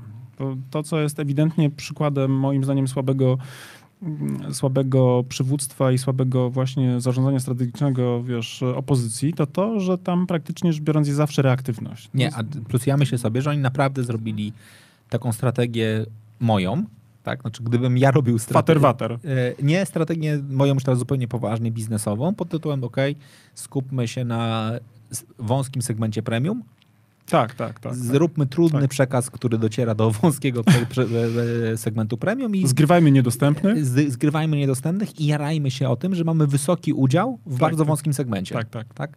Znaczy przekładając to moim zdaniem Tak, na rynek, tak, nie tak. wiem, e, Wiem, wiem. E, bardzo ładnie to powiedziałeś. na rynek tytoniowy, tak. To dokładnie jakby mamy, mamy grupę, która mówi, dobra, my komunikujemy ICOSy, które są w ogóle super fajne, są odpowiedzialne społecznie, nie będziemy zadłużali i w ogóle pi- pierdu śmierdu spalamy Tak, tak, w tak. wysokiej tam temperaturze, jest bez smogu i tak Ale dalej. 12 fajek w Polsce spalonych rocznie. A, a dokładnie, a obok wychodzi gość, który mówi, dobra, karów twardy. Lecimy dla wszystkich karów twardy, będą Tak, tańsze, tak? tak, I tak, tutaj po, po jednej stronie są goście, którzy komunikują jakieś tam przysłowiowe pseudowartości i mówią, sprzeciwiamy się temu, żeby rozdawać karo dla wszystkich, A Tak, tutaj tak, ktoś tak, wychodzi i mówi, tak, dobra, lecimy Tu, Karol. tu ewidentnie, wiesz, bo ja nie chcę też zabrzmieć, że my tu sobie deprecjonujemy wyborców, bo umówmy A ja się... uważam, że nie. Znaczy, ja uważam, No. że tak długo, jak jesteśmy w państwie demograficznym, e, demokracyjnym, znaczy Kratycznym. demokratycznym, kra- demokratycznym, tak długo musimy absolutnie zrozumieć, że na poziomie wyborczym wszyscy mamy równe prawa, Tak, tak, tak. a wygrywa ten, kto zrobi bardzo prostą rzecz, zrobi lepsze badania, czyli lepiej zrozumie potrzeby wyborców, tak, to ewidentnie. następnie zrozumie te badania, czyli oprócz zrobienia badań usiądzie, przeanalizuje Zinterpretuje je, wyniki i podejmie wyniki decyzję, nie? I podejmie Mhm. decyzję, Tak, tak. i podejmie decyzję pod tytułem OK, A potem złoży na tej bazie obietnicę. składamy obietnicę, I teraz uważaj, jeszcze idąc krok dalej, co było doskonałe w przypadku akurat tutaj znowu tej kampanii, będzie miał dowody na to, że uwaga, dowiezie te obietnice. no i Bo szachmat rozumiem, Marko tak? A potem jeszcze za, wiesz, zdefiniuje korzyści na poziomie racjonalnym, ale też i na poziomie emocjonalnym, a jeszcze w tym wszystkim będzie pamiętał, jaki będzie miał styl tego całego przekazu i co będzie tym głównym, najważniejszym przekazem dnia, który będzie dostarczony ludziom, wiesz, z różnych tam punktów styku. I nagle się okazuje, że masz miks, który, który rozwala system. I ja, powiedzmy, abstrahując z polskich wyborów, ale jest taki doskonały dokument na chyba Netflixie albo na HBO, nazywa się Brexit. Widziałeś? Mhm. to tam jest doskonały po... Tam właśnie są strategzy, którzy też nie wiemy, kto stał za Brexitem brytyjskim, bo ja też tego nazwiska nigdy nie słyszałem, ale doskonale było to pokazane, jak ten cały proces dochodzenia do e, key message, do tej Mhm. głównej, e, głównej, e, głównego przekazu, nie? Pamiętasz, jak on chodził po pubach, jak pytał, nie? I doszedł do tej konkluzji, że w przypadku Brexitu trzeba tylko dwie rzeczy powtarzać, nie? Oszczędność, Oszczędność. i kontrola Mhm. Bo Brytyjczycy mieli poczucie, że dokładają do Brukseli Mhm. i że stracili kontrolę, że już nie jest to spl- Splendid Isolation, nie ma tego, wiesz, Great Britain as Empire i tak dalej, i tak dalej. Jak bombałeś tych ludzi tym przekazem, to oni naprawdę, wiesz, po pewnym czasie, dobra, dobra, tam wolny rynek, srać to, nie? Stary, kontrola i oszczędność. Nie będziemy dopłacać do tych tam darmozjadów. I to naprawdę czyni niesamowite cuda. I teraz gdybyśmy chcieli przynosić te praktyki, to, to nie jest tylko marketing polityczny. Wszędzie wszystkie marki działają w tych samych zasadach. Ja osobiście uważam, że marketing polityczny to jest e, uber, mar, uber marketing, tak mówiąc szeroko, czyli nadmarketing jakby nad wszystkim, bo decyduje nie na powiedzmy po, poszczególne grupy docelowe typu 16 ludzi. Czyli teraz powiedziałeś taki Uber marketing albo Uber marketing. Uber, Uber, marketing. Uber. Uber marketing w takim rozumieniu nie chodzi o tego złego przewoźnika. Ubera. On może być złym przewoźnikiem, bo cię na przykład wyprowadzi z Unii Europejskiej. Z Unii, ale, ale rozumiem, Uber nie marketing. chodzi o o to, że taki. Nie chciałem umlautu rzucać, żeby nie było, że ktoś nam rotę zaśpiewa po drugiej stronie. Okej, teraz, teraz zrozumiałem. Bo już, Ja, ja już, nie, z niemieckiego miałem czwórkę, ale wiem, co to znaczy umlaut. Okej. Uber. Uber. Uber. No, okej. I teraz jak sobie spojrzymy na to, no to marketing polityczny, my na przykład widzisz, dwa lata temu robiliśmy strategię marketingową dla jednego miasta, miasta Kalisz, to jest e, drugie w Wielkopolsce największe w ogóle miasto. Ciekawe w ogóle, bo historycznie jest najstarszym w ogóle miastem w Polsce, na szlaku bursztynowym bodajże, piastowskim, plus jest to też bardzo bogaty okręg przemysłowy, tam są bardzo na przykład silne klastry przemysłu lotniczego. Ty Możesz o tym nie wiedzieć, ale tam generalnie jest bardzo dużo w ogóle projektów inwestycyjnych. To Okej. generalnie się tam kręci. I teraz z perspektywy na przykład tego, co my y, robiliśmy, to my jak y, zaczęliśmy współpracę w ogóle z, z Kaliszem, jak nas zaproszono do współpracy, to to, co zdobyło jakby uwagę decydentów, to my powiedzieliśmy, słuchajcie, my wam nie dostarczymy kolejnego pułkownika, którego nigdy będzie czytał jako dokumentu, tylko wam przygotujemy bardzo praktyczną strategię biznesową dla marki regionalnej, jaką jest marka miejska. No dobra. I rozumiesz, przenosimy tak naprawdę zarówno dla na przykład marek, tak jak tutaj mówimy, regionalnej, praktyki biznesowe, ale też i marketing polityczny bardzo mocno uczy się od strategów, którzy badają w ogóle konsumenta.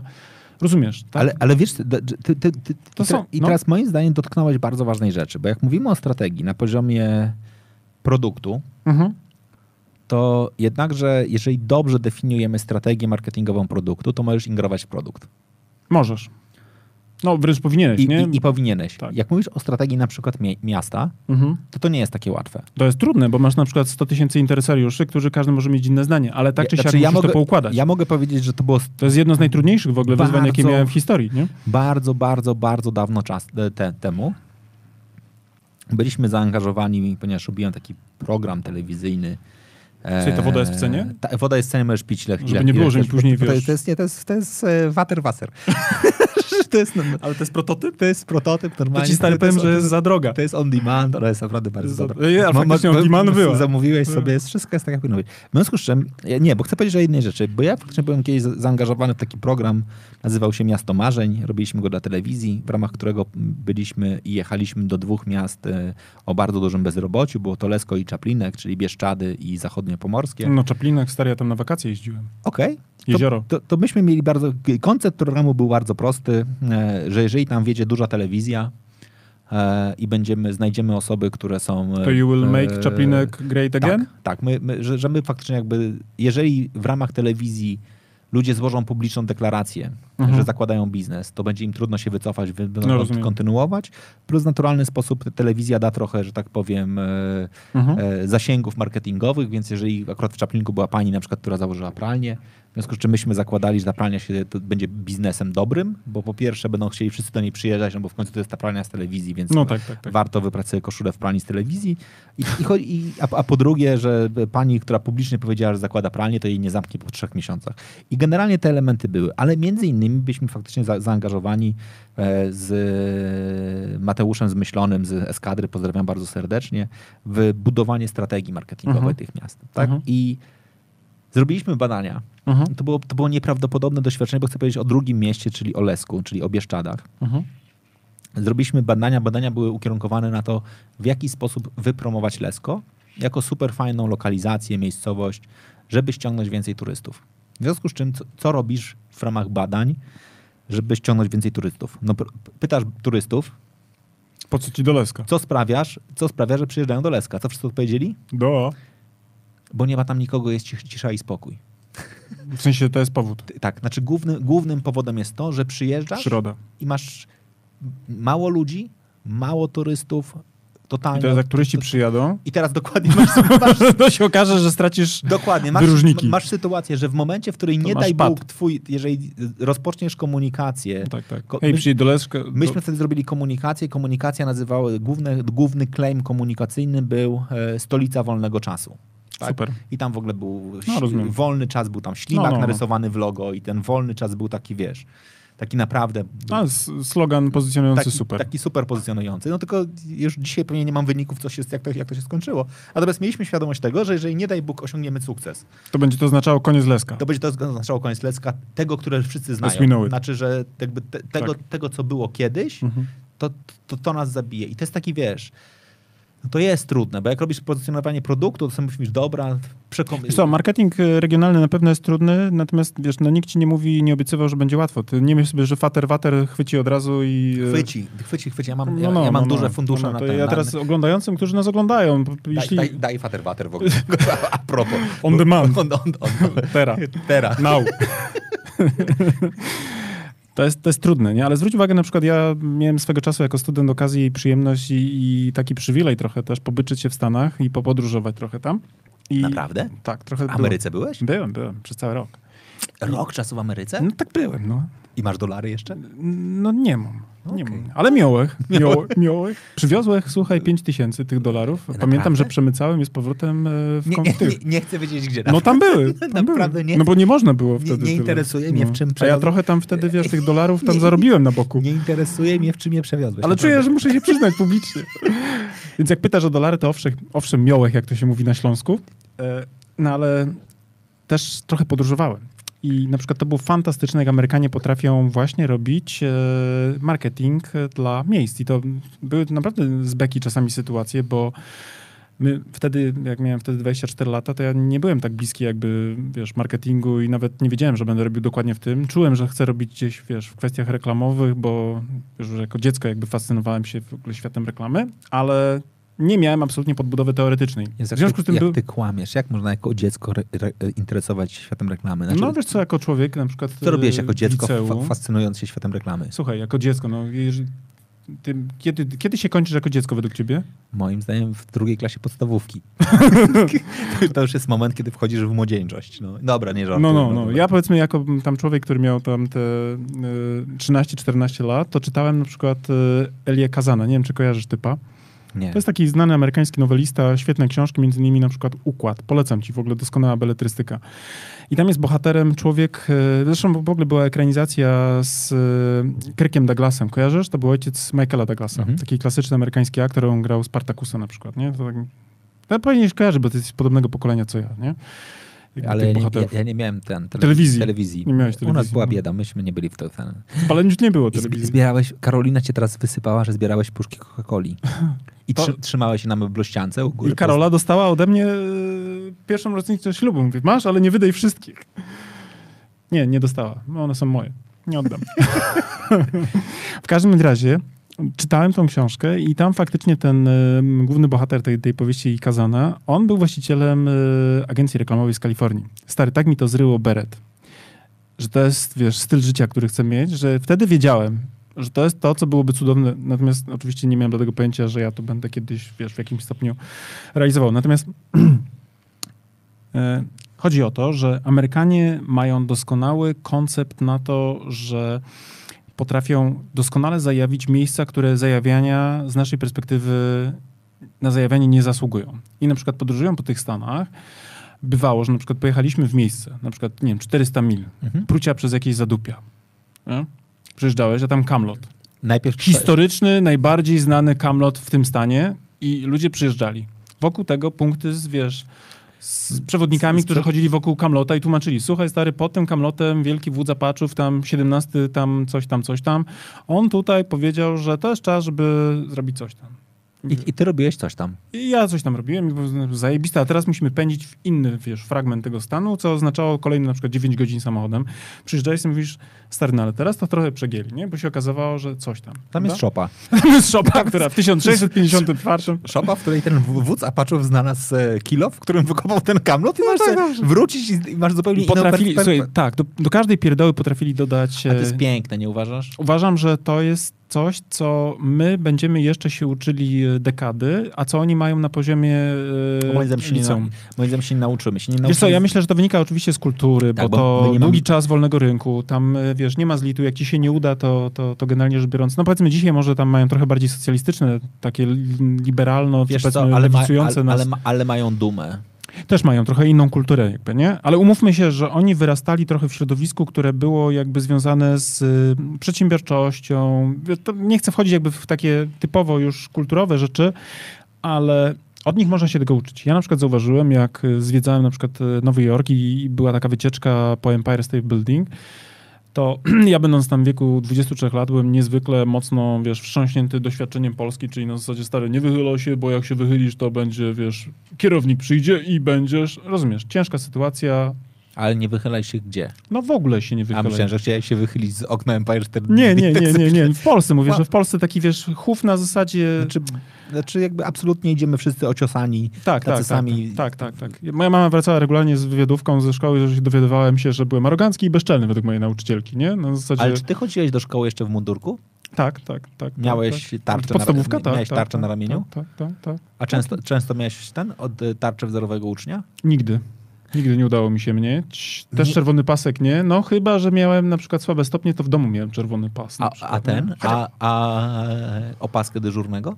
To mogłem mieć, nie pamiętam, bo były jakieś Bo funkcje ty mi tak takie... wyglą- wyglądasz na takiego funkcyjnego dyżurnego. Właśnie. Dobrze wyglądałem w mundurku. Funkcyjnym. Nie zaimponujesz mi w ten sposób. Karolina, być może nie, się tam czasami przebierasz Stary, dla niej w nigdy, nigdy nie sterowałeś ruchem na przerwie? Nigdy? Jakim ruchem na no przerwie? tak na zasadzie, że był, wiesz, wpuszczało się ja, byłem w kolei. ja byłem w radiowęźle. Ta propaganda, ciężka propaganda w Cięż- Palędziu, z którego cięż- palędzie słynęło to Hera. Ciężka propaganda w Palędziu No to to- ja i ja tam wtedy byłem w radiu. Nie, ja byłem już wtedy już oczywiście byłem kaszubem, ale... e, Słuchaj, to jeszcze nie skończyliśmy tej Ameryki. No to tam teraz, zobacz, ten, jak ja patrzyłem sobie, tak, z tej Polski 23-latek, to byłem pod głębokim wrażeniem, jak sobie 16-letnia dziewczyna oprowadzała turystów e, po tym budynku i robiła za tur, e, wiesz, operatora, czy tam za, za przewodnika. Słuchaj, dziewczyna miała absolutną charyzmę, miała pewność siebie, potrafiła zawładnąć grupą, wiesz, kilkudziesięciu ludzi z różnych dziwnych miejsc na świecie, bez śladu, wiesz, zahukania, kompleksów, pewna siebie, wiesz, na niesamowitym takim flow, nie? Mówię ci, na oko miała 16, może 17 lat. Tak pira ze drzwi.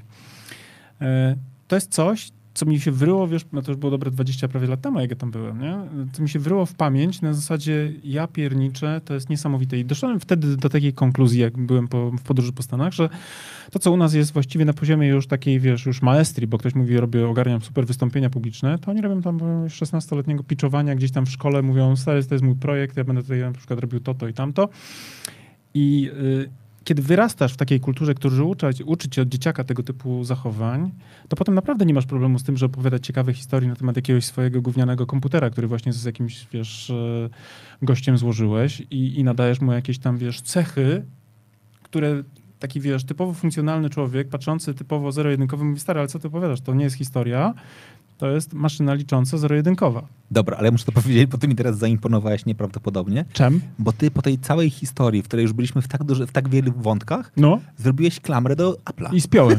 I, I, wróciłem, bo ja mam prowizję sprzedawaną. Ty Bo normalnie ja, ja mam prowizję. ty spiałeś to Apple'em Ja z powrotem. Słuchaj, Ja uważam, że notowania spółki Apple to jest przede wszystkim e, zasługa moich opowieści o tym w Polsce. Ja robię wynik Apple, Apple, Apple'owi. Wiesz, co to jest afiliacja? Wiem. No, I to ty? to ja. Ja to Pol- do Polski wprowadziłem, nie? No. Ja nie mogę. Ja, ja, myśl, Pojęciowo. ja myślałem, że No. najpierw jakby... z- A ty myślisz, że dlaczego masz teraz e, telefon przed sobą ten? Ty do, dopóki do Poznania nie przyjeżdżałeś, to dzwoniłeś z Nokii jeszcze przecież. Stacjonarnej do tego jeszcze. Ja, mnie to dziwiło, że ty pytałeś, gdzie mam gniazdko na telefon. Ja normalnie przyjeżdżałem, przyjeżdżałem do ciebie Ja myślałem, że ty lunchbox przyniosłeś, a ty dzwoniłeś z Nie, tego. nie, żeby się umówić na spotkaniu, musiałem wrzucić normalnie, pytałem, czy macie pożyczyć kartę, bo musiałem pójść do budki i zadzwonić do was normalnie.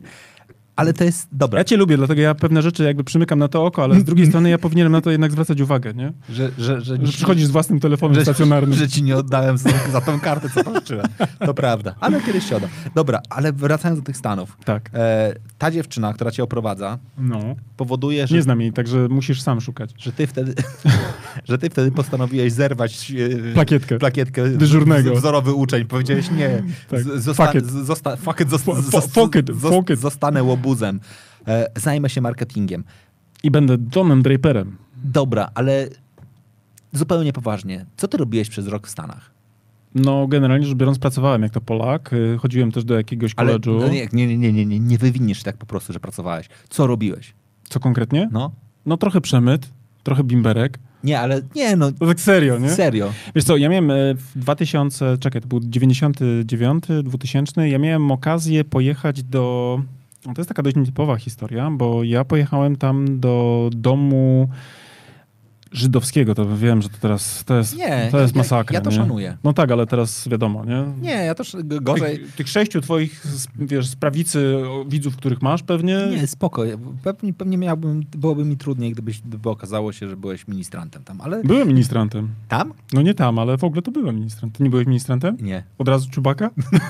Ja, ja, jak już jesteśmy w tych klimatach, to moi rodzice bardzo chcieli, żebym ja śpiewał w słowikach poznańskich. E, ale, No to ci powiem... E... ale na, na, na, To różnie mogło się potoczyć. Ty ładny chłopak jesteś. na, szczęście pan Stuligrosz niestety nie, nie, nie, nie przygarnął mnie z uwagi na dość chujowy głos. ale mogło, mo, mogło być ciężko. E, To, to po czasie jednak mi się... więc po, po czasie to dzisiaj Może nie tak najgorzej. Dzisiaj można sobie mówić, że faktycznie ten. I ty, będąc ministrantem, pojechałeś do żydowskiej rodziny? No to trochę hardcore, nie? No. Ale okazało się, że ta amerykańska rodzina, która była żydowskiego pochodzenia, właściwie bardziej byli y, Izraelczykami, którzy mieszkali Okej. w Stanach, y, Przyjęli cię, bo byłeś z Poznania. przyjęli mnie, bo Teddy był bankierem i potrzebował pomocy w ogarnięciu trzech chłopaków. Czekaj, kurwa, kim jest Teddy? Teddy to był e, host father. Father, fa, Okej. father, father, nie? I ten host father, czyli głowa rodziny. On e, w 2001 roku był po rozwodzie, bo tam się, wiesz, rozstał ze swoją żoną i okazało się, że tych trójka chłopaków, tam było 17, 11 i 9 lat, generalnie rzecz biorąc, e, rozwalają chałupę. Jak on jest w banku, a był wiceprezesem HSBC, miał pod sobą Afrykę, znaczy nie Afrykę, tylko Amerykę Południową, odpowiadał za, za, za Południową Amerykę, a dziennie odbierał, wiesz, kilkadziesiąt telefonów na zasadzie e, Teddy, a tam, wiesz, ten zrobił to, a ten tamto, plus babki, które e, ściągał z Nowego Jorku, bo on mieszkał w Nowym Jorku, też, ale pod Nowym Jorkiem z każdej, e, no to potrafiły rzucić robotę w ciągu jednego dnia. Więc on sobie wykoncypował, że weźmie sobie ściągnie faceta, który nie będzie miał, krótko mówiąc, łatwej fosy do pokonania, czyli ściągnie sobie Polaka. tak, który dla, dla niego to będzie jak, wiesz, jak ziemia obiecana. A ja byłem wychowany na, wiesz, tej całej prozie amerykańskiej, więc dla mnie, wiesz, pobyt w Stanach był takim mastem. Więc jak ja usłyszałem, że jest opcja programu, gdzie można pojechać i na przykład za, w zamian za na przykład w, w, w życie z rodziną e, amerykańską, mieć wizę i móc chodzić do koledżu i uczyć się angielskiego, to powiedziałem, to jest idealnie dla mnie. To był czas przed Erasmusami, wiesz, przed Unią Europejską. Jeżeli chciałeś zwiedzać świata, nie byłeś z bogatej rodziny i na przykład nie mogłeś mieć stypendium, no to zasuwałeś i e, ja pracowałem wtedy jako, to się nazywało oper, czyli taki, wiesz, facet do pary. I teraz wyobraź sobie, jak trudne było dostanie roboty opiekuna do dziecka, kiedy ty de facto dzieci nie znosisz. Bo ja za dziećmi nie przepadałem. W związku z tym wtedy okazało się, że potrafię się nieźle spozycjonować. A jako, że ja też na studiach, przed studiami, no to jest w ogóle ciekawe, no. Co za typ? No. Ja y, byłem też ratownikiem medycznym, bo po liceum poszedłem i zrobiłem studium ratownictwa medycznego i potem pracowałem w ogóle w pogotowiu y, jako ratownik przez parę dobrych lat, nie? I to, co przekonało Tediego, że w, ogóle warto mnie ściągnąć, to to, że ja byłem taki wtedy, wiesz, też mocno sportowy, ja tam trenowałem jakieś tam siłownie, jakieś sporty walki, jak każdy młody chłopak i tak dalej. I ja sobie wykoncypował... Że jak dzieciaki będą podskakiwać, to ty zrobisz... To muszę ściągnąć gościa, którego one będą, krótko mówiąc, szanowały i którego będą chciały, wiesz, krótko mówiąc, utrzymać gdzieś tam koło siebie, a który nie będzie miał specjalnie wyboru. Kumasz, nie? Bo nie wiem, czy kojarzysz jakby historię podboju Meksyku przez Hiszpanów, Hernana Corteza. Pierwsze, co Hernan Cortez podobno zrobił, jak wylądował na plaży w Meksyku, to zjarał chłopakom flotę, nie? Okej. Okay. No w zasadzie, ziomaki, tam idziemy, tam tniemy do przodu, tu nie ma w ogóle... Nie ma powrotu. Nie ma marudzenia, all inclusive może wam się nie podoba, ale to jest jedyne, co będziecie mieli, koniec. I podobno zjarał im tą flotę i nie dał im, krótko mówiąc, wyboru. I podejrzewam, że ten Atlantyk był takim, wiesz, zjaraniem dla mnie floty, bo ja miałem bilet one way. Mogłem, krótko mówiąc, polecieć tam na rok, albo, wiesz, wrócić w sromocie do chaty i wiesz, co dalej, nie? Przepłynąć najpierw Atlantyk. to nie było łatwe, nie? A że byłeś dobrze wysportowany, ale miałeś, jakby, może cię, bym, jakby cię rekin zaatakował, to byś może, go pokonał, może, ale było, było ryzyko, że... Może bym ogarnął na Staten Island, nie? Że ale, nie dopłyniesz, tak, no. ale na pewno bym nie ogarnął do, do, do, do Wielkiej Brytanii, więc technicznie... Yy, mnie udało się wtedy zakorzenić e, w Stanach i e, dostałem robotę jako, wiesz, człowiek, który z nimi żył. Moja robota była w sumie bardzo easy, bo ja miałem zawieźć ich do szkoły, wtedy rano na pociąg, bo mieszkaliśmy, wiesz, w przedmieściach, więc klasycznie on musiał zdążyć na pociąg 7.37, były jaja, bo zawsze żeśmy pędzili, wiesz. Ja wtedy w ogóle odkryłem, co to znaczy sześciocylindrowy silnik w samochodzie. Jakby, wiesz, ja się wtedy przesiadłem z Fiata 126P do V6 czy 3,8 litra. Stary, to, to było dla mnie jak y, te twoje gogle, które ty nosisz teraz, nie wiem czemu, narciarskie, takie na co dzień. Bo ja cały czas myślę, że, że spadnie śnieg i pójdę na nartę. to mnie by się w takim czasie te okulary przydały. Nie? No. Więc dla mnie to była niesamowicie też e, fascynująca przygoda, bo miałem dostęp do rzeczy, które w Polsce oglądałem tylko na filmie. Nie? Wow. Więc to, to, był, to był wtedy, wiesz, bo dzisiaj nie ma kontrastu, wiesz. Dzisiaj sobie, wiesz, wszyscy żyjemy tak jak oni i szczerze mówiąc, jak przyleciał do mnie po po kilkunastu latach e, ten najstarszy chłopak, który dzisiaj już jest też bankierem inwestycyjnym w Nowym Jorku, to on sobie patrzył, wiesz, na Poznań, na te wszystkie same marki, które ma, wiesz, Starbucks, wiesz, te same biurowce, tylko niższe, wiesz, te same centra handlowe, tylko trochę inne może brandy, bardziej europejskie, mniej amerykańskie, ale sobie wiesz co, stary, ale to jest właściwie to samo, nie? To, to, to, taka trochę... Czym ty się jarałeś wtedy? Tak jakby, wiesz, no tak w, w, ogóle był taki trochę jakby zwiedzał jakąś wiochę amerykańską, ale wiesz, nadal mm. masz te same, wiesz, punkty, tak kumasz, jakby, nie? Nie było dla niego. A dla Polaka z 99 roku, to Ameryka to było stary, to, to wiesz, to, to ja pamiętam jak wyszedłem z hotelu w ogóle, bo nie wiem, czy byłeś w Nowym Jorku? Byłem. Miałeś okazję? No, no to ja... Tylko dobra, byłem w Nowym Jorku trzy lata temu. No, no to, Więc ale... Powiedzmy sobie szczerze, no, trzy lata temu w Nowym Jorku to wy, wylądujesz już... To już też nie robiło takiego wrażenia, podejrzewam, nie? Żadnego, no. No, no. Bo to, a dla mnie wtedy tak. I wtedy ja pamiętam, jak, jak wiesz, po pierwsze ten hit, to uderzenie na tym lotnisku, ta wilgotność, jakby, bo to sierpień był, jak ja tam wylądowałem, to był pierwszy taki, wiesz, takie pierwsze potężne, potężne pyknięcie, ale z drugiej strony, wiesz, ta różnica temperamentu, wiesz, ta Polska, która 99 rok, no to 2000 ten przełom, no to wiesz, to był kryzys, u nas to, wiesz, to były naprawdę trudne sytuacje. Ja pamiętam, że w owym czasie zarabiałem 570 zł miesięcznie, nie? W Ziko, nie? Nie w dolcach. Jakby wtedy, nie? Jako ratownik medyczny w pogotowiu. Czyli trzy razy mniej niż tyle, niż teraz. No dwa. Dwa. Dobra, ja słaby z matmy byłem. Okej, okay, faktycznie. 1200 i 570 to dokładnie no, jest dwa. No. Okej, okay, sorry, sorry. To, to, to, to sobie wyobraź jakby jakie kontrasty tam były, nie? Więc y, to była naprawdę bardzo ciekawa i fajna przygoda i y, mm, szczerze mówiąc, y, chyba był taki y, najlepszy taki, wiesz, okres w życiu pod względem beztroski, wiesz, możliwości. Ja żyłem lepiej, szczerze mówiąc, niż przeciętny Amerykanin. doszedłem do takich konkluzji też, bo widziałem Tediego, nie? Bo Teddy jako ten wiceprezes tego dużego banku, no to ja go porzucałem sobie tego jego furą na pociąg, dymał, wiesz, 45 minut do Nowego Jorku na Grand Central, tam zasuwał, wiesz, do 17 w banku, potem szedł na jakieś lunche czy inne pierdoły rauty, bo musiał, wiesz, pełnić obowiązki reprezentacyjne i 22 cyk odbierałem go z dworca. A cały ten międzyczas, ta jego rezydencja, którą on miał, Była twoja. zgadnij kogo. Nie? Moja, wiesz, moich tam znajomych, kolegów i tak dalej, i tak dalej. Plus oczywiście z uwagi na to, że on miał te chłopaki, e, ten jeden miał 17-letni, to ja miałem e, praktycznie brata.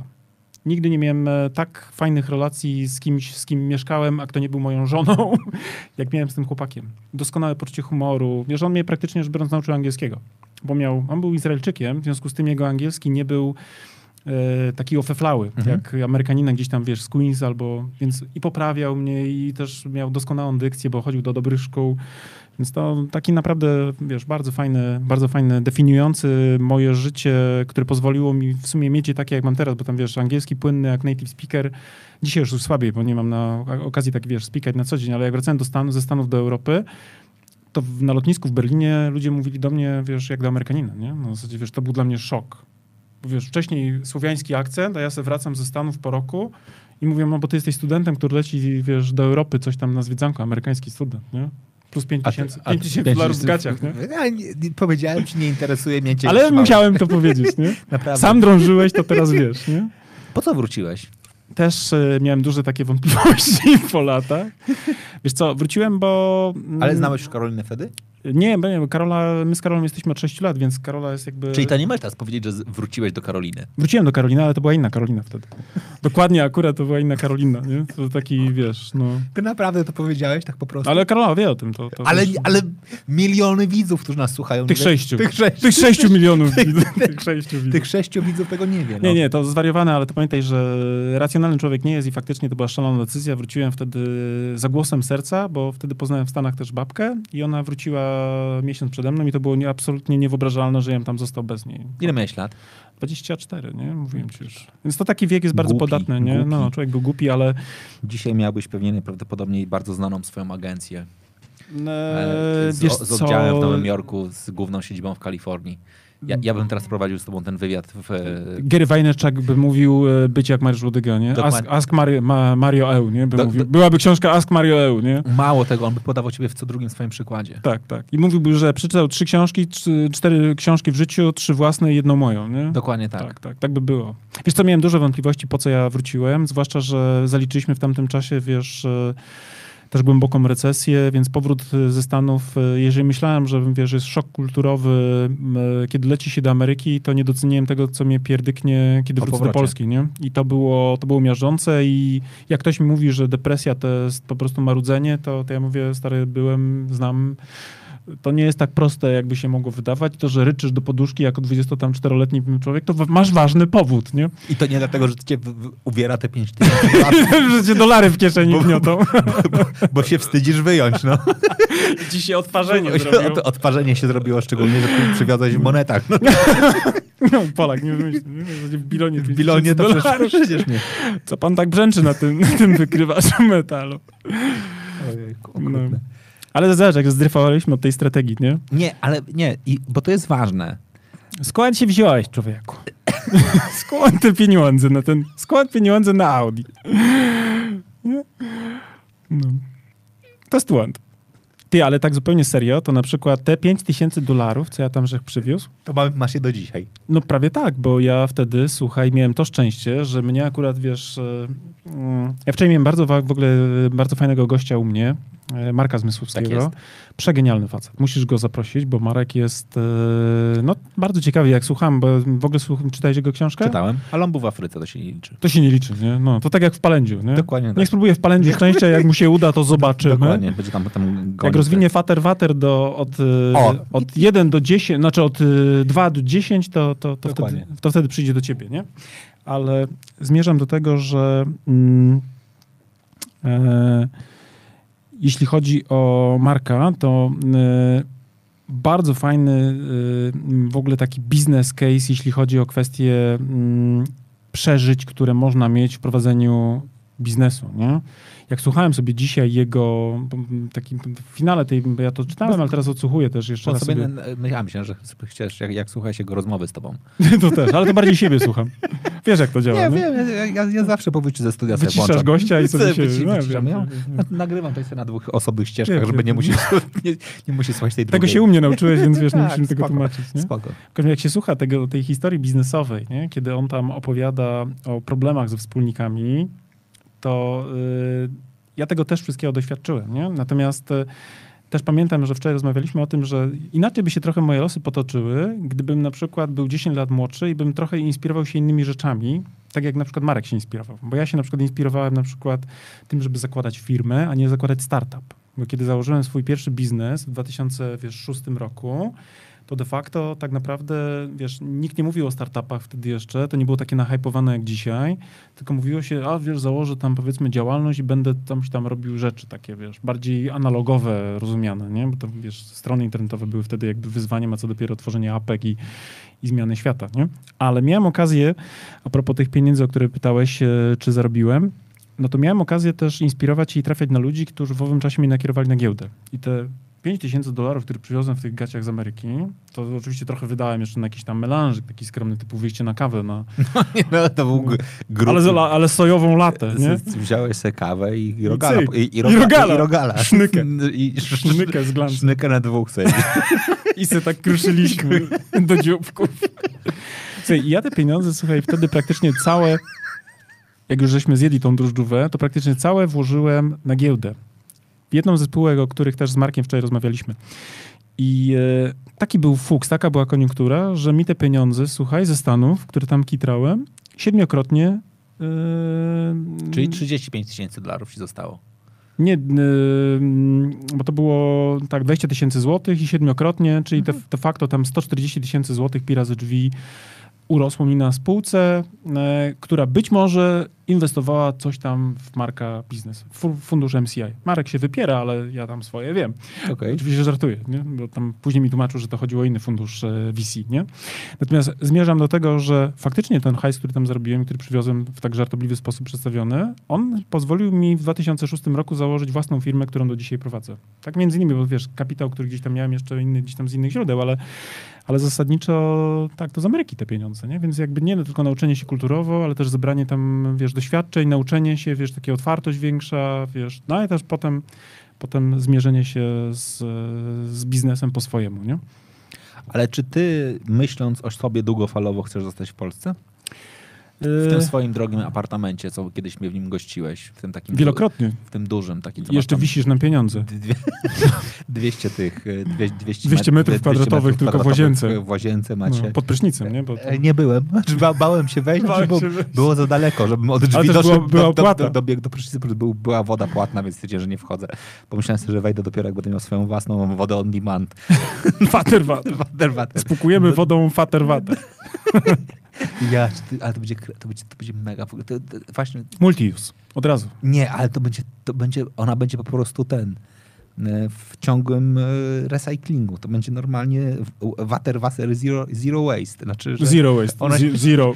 Ja nie, powiem, w którym momencie się będzie pojawiała pod prysznicem, ale pie, pie, pie, pierwsze jej użycie będzie, będzie e, do picia. Nie będzie ostatnim też. I to nie będzie ostatnim, bo drugim będzie pod prysznicem. Możesz I mieć będzie taki, wiesz, też taki sloganik, nie? Nie widzimy się ostatni raz. I pod prysznic taka naklejka. Taka nie? naklejka. Na prysznic.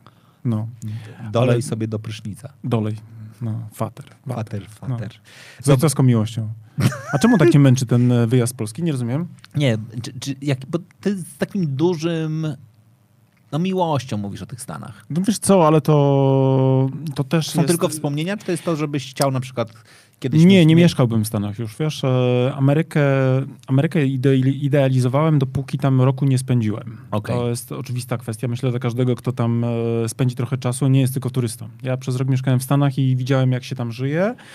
I zwiedzałem nie tylko, wiesz, e, parki narodowe i największe, wiesz, hipsterskie miasta, czy też dzielnie, bo powiedzmy, Mhm. że ja zwiedziłem całe praktycznie Stany, wiesz, wzdłuż i wszerz, bo jak jesteś operem, to masz dużo wolnego czasu, masz dużo urlopów, plus zarabiasz na tyle dużo, jak jeszcze masz czas na to, żeby robić, bo ja jeszcze tam pracowałem na polu golfowym? E, W wolnym czasie sobie dorabiałem i zarabiałem Jaki naprawdę... Pracowity. Byłem. Dzisiaj już jestem bardziej zoptymalizowany. No, Karolina mi mówiła. Tak, tak, tak, tak, tak. Ale ona za to pracuje dużo. Mówiła mi. Tak, tak. W każdym razie wtedy, wtedy e, miałem okazję zwiedzić całe Stany i na przykład to, co mnie uderzyło po Ameryk w Ameryce, to na przykład e, wiesz, z perspektywy wtedy Polaka, 99, tam 2000 rok, ty sobie myślisz, że każdy w Ameryce to jest ten, wiesz, bogaty Amerykanin, którego ty widzisz w Europie, nie? Czyli wiesz, e, wyciąga dolary i pyta się chłopaku, gdzie jest Zambrowska? Tam, i dyszka, nie? A gdzie jest mariacki kościół, a tam i dyszka, nie? Bo tak mniej więcej wyglądali Amerykanie, których ja widziałem w Polsce, którzy mi się pytali o drogę, nie? Od razu dolec. Naprawdę? Wiesz, tak, tak. No, na zasadzie dolarek, nie? Bo oni mieli taki jakby, wiesz, na zasadzie za wszystko nagradzali, nie? To ja sobie myślałem, wiesz, czytałem książkę, oglądałem jako dziecko film, nie wiem, czy wyrosłeś jakby na amerykańskiej popkulturze za komuny? Tak, ale żaden Amerykanin mi nie dał nawet złamanego centa za to. To teraz zastanów się dlaczego. To mogą być te okulary. Ty się zastanów, dlaczego tobie dawali, ale... A, widzisz. Bo byłeś milszy niż ja. A, widzisz. Jak ci pytali, gdzie. Sztuka retoryczna, Gdzie, gdzie jest Zambrowska, to ty pokazywałeś dobrze, a nie źle. Pokażę ci dobrze. Ty jesteś ale jednak chory, nie? Trochę. No. W każdym razie, mm, ja podróżując po tych Stanach, to miałem okazję też e, zderzyć sobie te wyobrażenia, ten, tą idyllę, którą miałem w głowie, z tym, jak oni faktycznie są. I na przykład pierwsze, co mnie tak naprawdę pierdolnęło prosto w banie, to to, że Amerykanie bywają bezdomni. W ogóle nie brałem tego pod uwagę. Wiesz, że Amerykanin potrafi być bezdomny. A ładnie to nazwałeś, że bywają bezdomni. No bywają. Tak. Nie wiem, czy jestem w stanie wyobrazić sobie jakby miasta, w których jest większa ilość Tak. widocznych bezdomnych, bo to nie chodzi o to, że jest w ogóle. Tylko No sobie San Francisco, prawda? Tak. Y, Dolina Krzemowa tuż obok, prawda? Mekka miliarderów, e, Facebook, Google, e, wiesz... Wszystko, wymień znaczy najważniejsze wszystko. startupy światowe, które zmieniają dzisiaj świat, a z, przejdź się po najważniejszych ulicach San Francisco i musisz robić czaple. Czekaj, czekaj, czekaj. No jeszcze raz. Wymień, jeszcze, po- powiedz to zdanie. Zmieniają świat? I których nie ma w San Francisco? Nie, nie, które są? To ja ci powiem, jest No. taki jeden startup, który zmieni się. Fater Water? Jego nie masz. Nie, nie ma, nie ma. On jest w Palędziu jeszcze. Taka poznańska dolina krzy, krzemowa. Będzie, będzie, Palędzie będzie nową Doliną Krzemową. Jeżeli ktoś ma teraz jakby pomysł na to, Jezu, żeby- ludzie z Palędzia pomyślą, że my się z nich nabijamy. teraz. Nie, oni teraz Nie. podnoszą cenę nieruchomości. Prawdopodobnie w tej chwili W doświadczają hype'u. Oni w tym momencie dokładnie siedzą na, od- na tym, na... Jest e, alert, red alertu burmistrza, czy tam sołtysa, nie? Jak, jak się nazywa? Tam się wystawia ten y, nieruchomości. Y, oto dom, czy jak tam te Oto wszystkie- dom, no. Oto dom. I oni teraz Adresują oni, marzenia. oni na oto dom teraz tam siedzą i pod, pod, Adresują pod, pod, podnoszą ceny. Do tej pory wystawiali swoją działkę za 740, teraz właśnie poszła... Milion. Milion, milion, milion, jak nic. Panie, za kod kreskowy, znaczy za kod pocztowy tylko bania, nie? Tylko bania, bo to, do, bo to jest nowa Dolina Krzemowa. Słuchaj, w Stanach nigdy nie widziałem tylu, znaczy nigdy nie widziałem tylu bezdomnych, co w Stanach. w Stanach, To jest to prawda. tak niesamowicie rozwarstwione społeczeństwo i e, ja na przykład e, miałem bardzo mocne też takie przeżycie stresujące w Stanach, bo wyszły mi jakieś tam zdrowotne kwestie, mm, które mega mnie zestresowały, na wyrost oczywiście, jak to się w życiu okazuje, ale na szczęście dla mnie na wyrost. I wtedy poczułem, że w Stanach jak nie masz bardzo mocno uplasowanej rodziny na przykład, nie jesteś, wiesz, ubezpieczony, krótko mówiąc, to brońcie, Panie Boże, żebyś poszedł na przykład do szpitala. Z czymkolwiek. Znaczy możesz iść, tylko... Ale wiesz, będziesz to spłacał, nie? Następnym razem twoje 5000 dolarów nie przyniesiesz go... No nie, nie, nie, że tam se w gacie w gacie schowasz. nie, nie. I będziesz sobie brzęczał bilonem, wiesz, wracasz z długiem Wracasz z wytatuowanym długiem, na tak, plecach. Tak, tak. I e, ja wtedy zrozumiałem tak naprawdę, że Ameryka jest miejscem, gdzie no, musisz mieć naprawdę zdrowie ze stali Mhm. i musisz mieć naprawdę pewnego rodzaju support i, i e, background, bo to naprawdę nie jest kraj łatwy dla imigrantów, to się tak mówi na zasadzie, wiesz, wybierz Amerykę It's a i... land of opportunity. Tak, tak, tak, tak. Nie, to naprawdę, wiesz, tam się z tobą nie pitolą, nie? To, to owszem zarobisz, ale nie zarobisz spektakularnie, bo to nie jest tak, że... Ja widziałem na przykład naprawdę, wiesz, bo ja pracowałem na tym polu golfowym też e, w tak zwanym międzyczasie jako side joby, to widziałem rodowitych Amerykanów, e, którzy, wiesz, kosili trawkę i zarabiali, wiesz, tam górę 12-15 dolarów za godzinę i teraz utrzymaj się w okolicach Nowego Jorku za 12-15 dolarów za godzinę, tak? To, to wegetujesz. Ja widziałem na przykład, wiesz, Polaków, którzy gdzieś tam na Greenpointie mieszkali przez kilkadziesiąt lat, to szczerze mówiąc warunki bytowe, które w Polsce ludzie mają, e, no to, to, to my tu żyjemy na wyższym poziomie komfortu niż niektórzy tam by mogli sobie wyobrażać. Tak, ja Ale przykład, wiesz jak jest, to, to jest taki sam przekaz ca- cały czas, że to się nie No. zmienia. no, jak e, z komunikacją na Instagramie. No, jakby, Tak, tak, to- to jest jak, idealizacja. Jak, jak, jak wysyłasz po prostu, wiesz, fotkę Tak. do Polski, to najpierw szukasz e, samochodu sąsiada, który, No, który no, jest no. fajny, robisz fotkę przy Tak, tym tak. Później płacisz mu 12 dolarów za to, że się wy- wyraził zgodę, za to, że chcesz robić sobie z nim zdjęcie Mój tata był w latach 70. przez rok no, w tym, w, w Chicago, nie? Tam robił. I przywiózł stamtąd wtedy, z tego co pamiętam, e, mama mówiła 2000 dolarów, nie? I to wtedy było, wiesz, No tak jakby wiesz, dzisiaj dwie banie pewnie Dokładnie tak. I to, było, to był game changer, to spowodowało, że my mieliśmy pierwszą na osiedlu zastawę 1100, kojarzysz tą markę? No. To było, wiesz, to... I, I nie chodzi o zastawę, rozumiem, stołową. Nie, nie, to my byliśmy, my byliśmy ktosiem tam na tym osiedlu, bo jeździliśmy zastawą w owym czasie, nie? Wy do dziś jesteście ktośem przez takie No wielkie umówmy się, Umówmy się. umówmy tak, się. znaczy- Ale to dlatego, że bywam u takich gości jak ty, nie? No ale bywasz, bo jesteś Na zaproszony. mówią sobie, koleś udziela wywiadowi, wywiadu e, naszemu głównemu bohaterowi z- ze Star Warsów, którego nam się nie udało zaprosić na festiwal, a on tam sobie jeździ i gada, Se nie? gada. Nawet, nawet kilka razy miał go u siebie w domu. Dlatego Pyrkon Jego sy- zaprosił mnie do w ogóle je- zrobienia strategii. Jego syn go szarpał za brodę. Sobie Pyrkon podejrzewam, że zaprosił mnie do współpracy nad strategią, bo chcą dojść do ciebie jakoś przeze mnie. No, Oni, oni tak. Oni Może by, tak oni, być. Oni by chcieli, ale uma- umawiamy się, że tam pojadę tylko i wyłącznie z twoim synem, który będzie tak przez, przez, ca- całą, przez całą imprezę szarpał za I brodę. poniżał. I poniżał. No, ale wiesz jak on wyrósł? No. Boję się. no. Tracisz dużo, że nie bywasz. M- muszę go odwiedzić koniecznie. No. E, I o czym mówiliśmy? Mówiliśmy o... O Stanach, o bezdomności, o tym, że nie chciałbyś tam wrócić, bo to było smutne. No bo to było naprawdę duże wyzwanie. To tak naprawdę nie jest tak hop i e, na przykład teraz jak ja rozmawiam z Gajem, z tym najstarszym chłopakiem, który dzisiaj już tam ma pewnie z 28 lat, może, może trochę więcej, nie, więcej, po, powyżej trzech dych już teraz, nie? E, no to e, my żyjemy w lepszym warunku, w, lepszy, w lepszym e, mieszkaniu niż Gaj na Brooklynie. No bo wiesz, mieszkanie na Brooklynie, a jak jesteś bankierem, który jest średniego szczebla, na przykład, wiesz, bankierem inwestycyjnym, który jest młody jeszcze, który nie jest na przykład jakimś tam Manago na przykład, to ogarniasz między tam 70 a 100 tysięcy dolarów, co w Nowym Jorku de facto... Yy, Oznacza, że naprawdę nie masz zbyt Nie ma pieniędzy szału. na inwestycje. nie, nie, ma, nie ma szału. Nie jest tak, że sobie kupisz, wiesz, piękny, Mhm. wiesz, apartament przy Fifth Avenue i będziesz, e, wiesz, e, Rządził wilkiem z Wall Street. jak w nie? amerykańskim filmie. To żyjesz godnie, latasz, oczywiście, wiesz, bywa, że, że, że gościu naprawdę, wiesz, e, fajnie funkcjonuje, ale mieszkanie to tak szczerze mówiąc, wiesz, no umówmy się, nie? Jak on zobaczył nasz apartament, w sensie zdjęcia naszego mieszkania, to, Szczególnie, że były to zdjęcia stokowe. no tak, ale to niedużo było skorygowane. To on był pod wrażeniem, nie? Na zasadzie mówi, kurczę, jak ja bym tu mógł mieć ale- w Nowym Jorku coś takiego, Ale kto, stary. Nie, no, nie No. a moim zdaniem przesadzasz, no bo kto nie jest pod wrażeniem waszego apartamentu? Ty nie jesteś. Ja jestem. Ty jesteś? Ja jestem absolutnie. Ale ty jesteś pod wszystkiego wrażeniem. No wiesz, To bo, mi się ja, nasz garaż podobał. Mówisz, tu masz garaż? No. no bo to mnie zaskoczyło. Już garaż? Jak to? A nie pod chmurką? No jakże jak, tak? Jak masz garaż? No tak w garażu W normalnie? garażu masz, dobra. A nie boisz się? No, tak było. No, tak, No, tak, tak było. dokładnie- tak, tak, tak dokładnie było. No, No dobra, wróćmy trochę do strategii. no właśnie chciałbym, nie? Bo tak wiesz, Gad- e, szczerze mówiąc e, zapłaciłem, a w ogóle nie ma strategii. Nic, nic, nie? Nie było dużo pieniędzy, to prawda, ale, Ale czekaj, ale, ale nie było. Ja już odhaczyłem. No, mamy napisane tutaj, Mariusz Łodyga. To jest oskarżenie, że się przedstawił. No tak, tak, tak. Następnie masz stratek. Tak, tak. Powiedziałeś o Jolo, Jolo. jolo. Mam Jolo. wszystko. Tak. Tutaj było wszystko normalnie tak, jak powinno być. Było, było o Bingu, to co się Mogłem poprosić o specyfikację, ile za, te, wiesz, za ten budżet, nie? Było, było pyrkon dwa, dwa razy, jest, na- jest, jest kliknięte. Czubaka. Czubaka. Wszy, wszy, wszystkie generalnie jakby frazy, które uzgodniliśmy na początku już były. Poszło, no, Poszło, poszło. teraz. To jest mój błąd, że ja nie doprecyzowałem, Nie, ale to wiesz, no, jak, jako stratek mógłbyś umieć brief napisać, no. ale to dlatego, że ja myślę zawsze na poziomie ogólnym i że od tego, wiesz, liczę na to, że będzie dobra egzekucja, nie? I ktoś kto I ktoś, ktoś, ktoś tutaj nie dopiął, nie? No ja, nie dopiął, nie? ja robię bardzo dobrą egzekucję, szczerze mówiąc.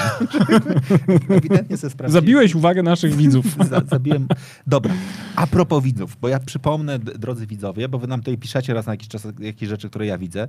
E, Nie wiem, czy... Lampka się nie świeci w ogóle. Bo, bo to nie ma pytań, wiesz, bo widzowie nasi są tacy Nie ma pytań. cudowni i oni sobie ze sobą rozmawiają. Znaczy generalnie tak się stało, że... Taka, e, taka nowa tradycja, nie? Wiesz co, nie, bo, bo, My se gadamy, oni se gadają. bo tak, bo to jest trochę tak, że widzowie się spotykają zawsze w tym samym składzie, ja już teraz tak to zauważyłem. Jest Igor?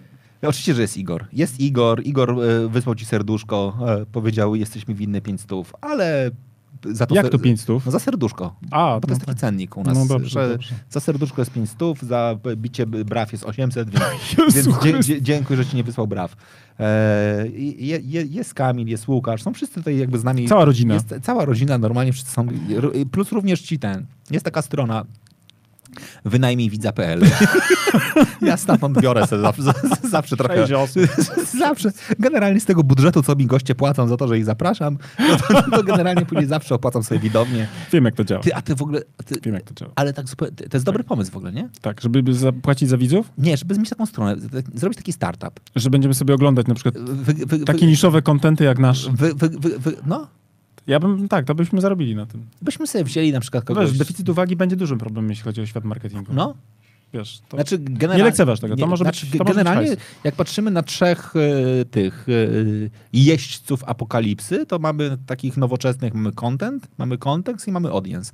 Ten audience jest jakby najtrudniejszy dzisiaj, tak? Znaczy generalnie... Jeszcze jakby- bym powiedział attention, No, ale bo to, to, wiesz, tam będzie to, to ładnie, tych, bo w ogóle to ich jest czterech, nie? To jak zwykle żeś porąbał klasykę, ale y, o ten, attention by w ogóle doskonale pasowało. No przejdź paluszki, no.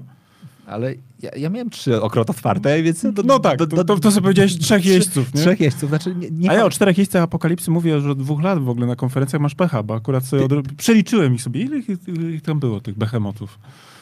No. I ty, I ty o nich mówisz tak poważnie? no mówię. I jakich jest czterech? No tak różnie mówię, na przykład właśnie brak strategii, nie? Tak sobie, w zależności od kontekstu, co potrzebuję, to sobie ten tytuł biorę, nie? Wiesz. Czterech jeźdźców apokalipsy. I to raz oni są tym, no, na przykład. Czterech jeźdźców planowania strategicznego SWOT, tralalala. Tralala. Pier, pierwszy, pierwszy to jest S. Byle mówić z przekonaniem i to wtedy I, działa. I, wtedy, i, wtedy, I wtedy to działa, to jest absolutnie jakby... Tylko, żeby klasyki nie, nie, nie mylić, ja ci bardzo proszę, kiedy są, wiesz, czterej jeźdźcy, to ty mówię o czterech, a nie o trzech. To trzy były świnki. No, to już bliżej. Były sobie trzy świnki. Kontekst, content i audience.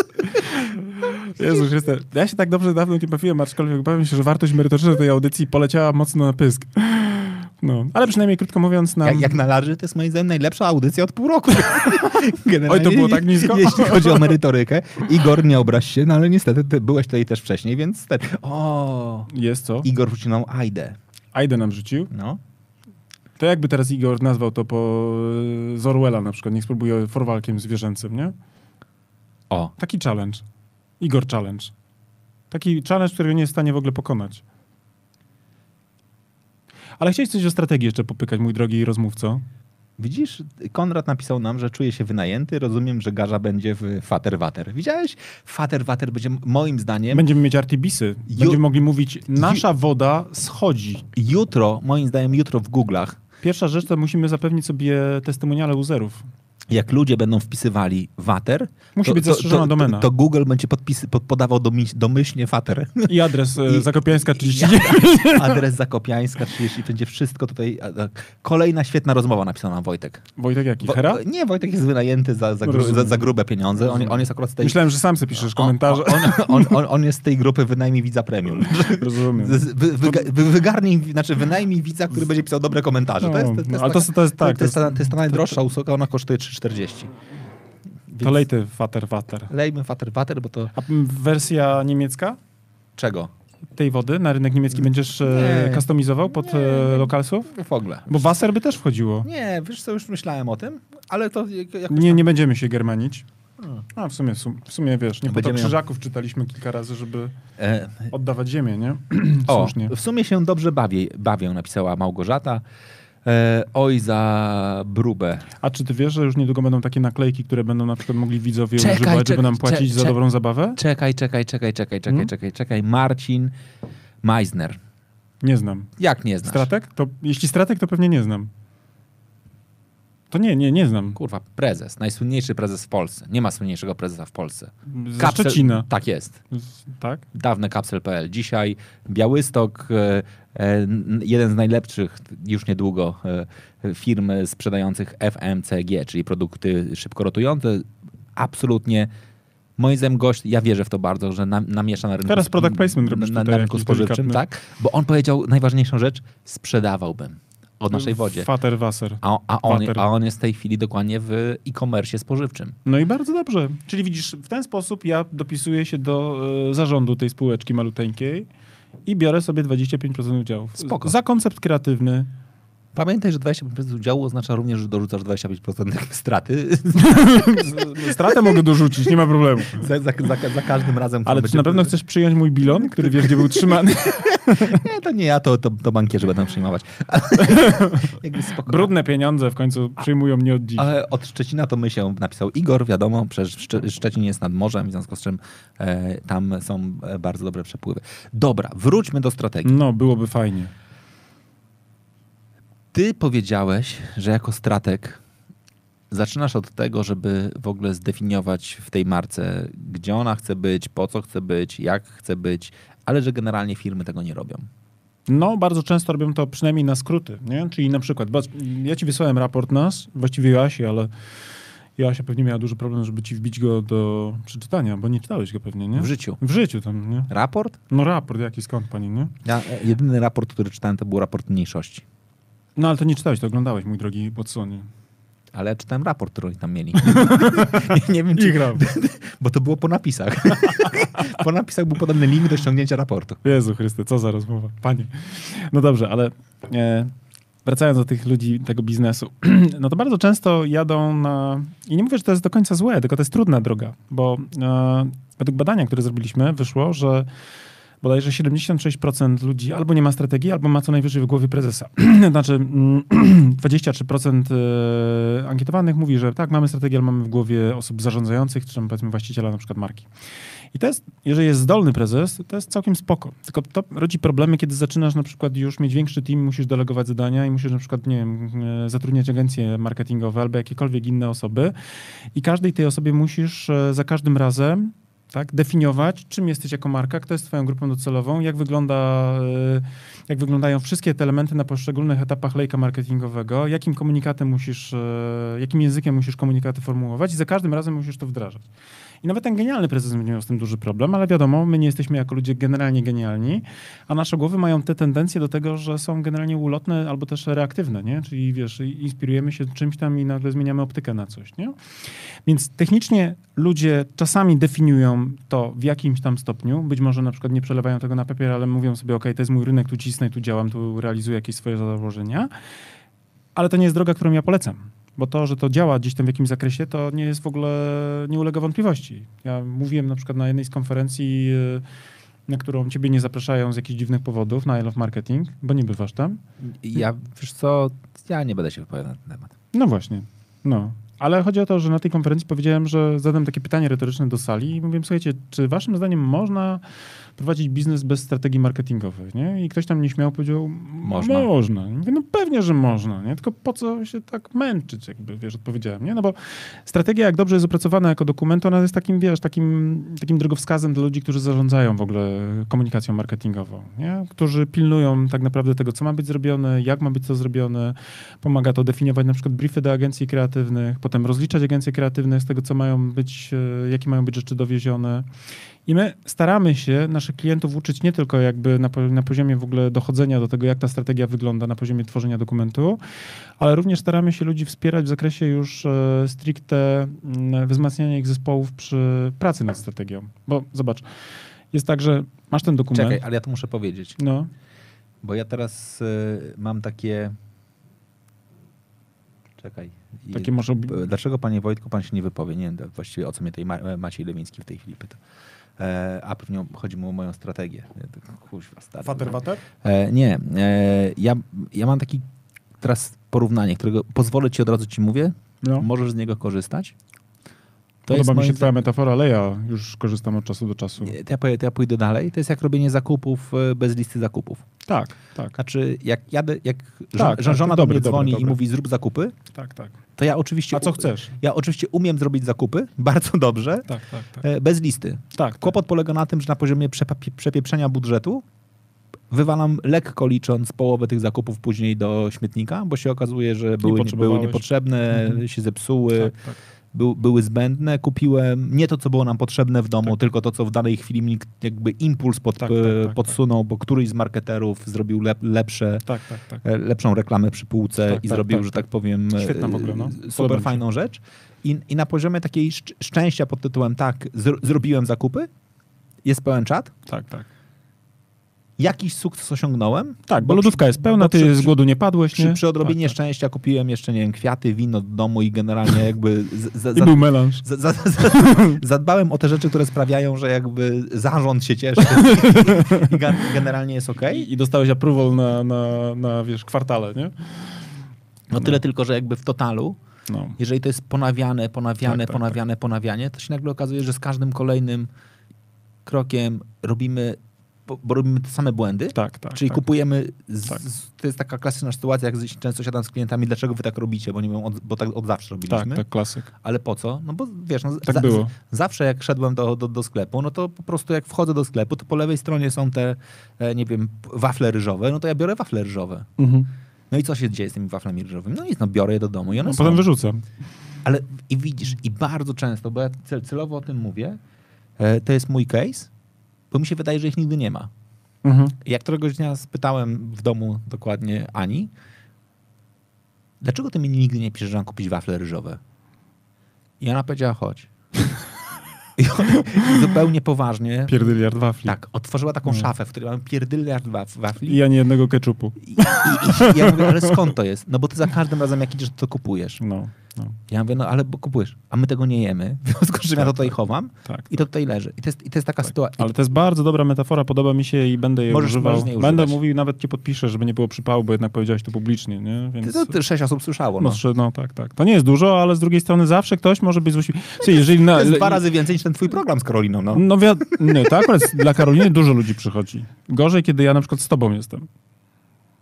Czyli ja popełniłem błąd, że w ogóle zaprosiłem ciebie. Znaczy zaprosiłem no, to za duże słowo, no bo ty się no wprosiłeś, tak, ale tak, tak, czy tak, ja tak. powinienem Karolinę zapraszać? No uważam, że Znaczy waszej- to waszej- jakby to jest dość oczywiste. Czekaj, nie? ale dlaczego wasz program się kiedyś nazywał Mariusz Łodyga? Później podpiąłeś pod to Karolinę. Po, No mój skoro- kochany, ty skoro- w ogóle nie łączysz kropek. A gdzie przyjeżdżałeś na Mariusz Rodyga Show? Dokąd? No ale on, wiesz, i, i to już w ogóle to już nie jesteś ty?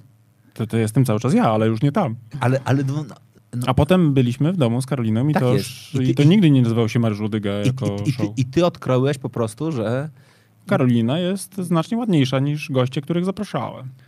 I ja rozumiem, że kolejnym krokiem będzie po prostu to, że ty będziesz po stronie e, realizacyjnej i będziesz og, og, og, ogarniał w końcu wasz mikro, mi, mikser z dźwiękiem. Może być Jak się. Będzie, będzie Jak się nauczę. E, A Karolina będzie prowadziła fajne wywiady z ciekawymi gośćmi, na przykład ze mną. No to właśnie o to się kłócimy najczęściej w domu, jest taka dyskusja. Jest taka dyskusja, czuję, że taka jest potrzeba w ludzie jakby. A tak zupełnie serio, to bardzo Z- dobra zrób, metafora. Zróbcie badania. Y, Boję się, żeby wypadły nie pomyśli zamawiającego, więc y, może darujmy, ale, Okej. Ale metafora, której użyłeś jest naprawdę bardzo dobra. Zresztą w ogóle moi klienci, którzy do nas przychodzą i mówią, że to jest właściwie y, proza życia, kiedy przed strategią na przykład potrafili y, wydać ileś 10 tysięcy Mhm. złotych, a jak jesteś MŚP-em i wydasz 50 tysięcy złotych na nietrafioną na przykład komunikację w jakimś kanale, to znaczy, że coś jest nie tak, nie? Mało tego, często jej nie mierzysz, w sensie nie, Tak, nie, tak, nie postawiłeś sobie celów, no bo w końcu jak Tak, miałeś tak. postawić cele, skoro Tak. nie miałeś strategii, w związku z Tak. czym wydaje ci się, że coś jest okej, bo coś tam sprzedałeś. e, Jeden z moich klientów powiedział zabawną rzecz, powiedział, bo ja mówiłem, ale stary, ale strategia kosztuje, kosztuje tam e, x monet, i mówi, "Mm, Mariusz, nie przejmuj się, skoro było mi stać, żeby wywalić 50 tysięcy na działania, które nie działają, to na strategię na pewno będę w stanie sobie, wiesz, wysupłać te drobne pieniądze, nie? Więc jakby technicznie tak to właśnie jest, nie? I ten na przykład Pyrkon, o którym sobie rozmawialiśmy, to jest super festiwal i to nie jest tak, że my żeśmy zrobili jakąś wielką rzecz z perspektywy, wiesz, pchnięcia w ogóle życia w tą markę, bo ta marka dobrze funkcjonowała sama. Ale naszą dużą taką... Bo wiesz, moje zakupy też są nie najgorsze bez listy. tak, tak, bo ale na to chodzi właśnie, nie? że masz dużo jakby, wiesz, rozrzucasz dużo po bokach, Mhm. nie? Ale Prykon bardzo dobrze sobie radził jako marka, miał dużą rzeszę fanów, wręcz e, nazwijmy to, wiesz, ambasadorów, tudzież nawet by można powiedzieć wyznawców. Ale z drugiej strony tak naprawdę pewne rzeczy były nierealizowane. Dzisiaj na przykład, kiedy Pyrkon w 2019 roku zrealizował e, kolejny rok na bazie strategicznych założeń, to się okazało, że festiwal sfinansował się przed startem. A zawsze było Wow. to nigdy nie wiadomo, wiesz, do ostatniego momentu, po, kiedy zeszły wszystkie, wiesz, już płatności i tak dalej. Dlaczego? No po prostu lejek zaczął był wcześniej wykorzystywany, tak? Sprzedaż ruszyła systemowo wcześniej, tak, z dużym wyprzedzeniem. Rekordowa w ogóle, rozumiesz, e, kwestia sprzedaży online pewnych rzeczy, które Mhm. w ogóle nie były brane pod uwagę.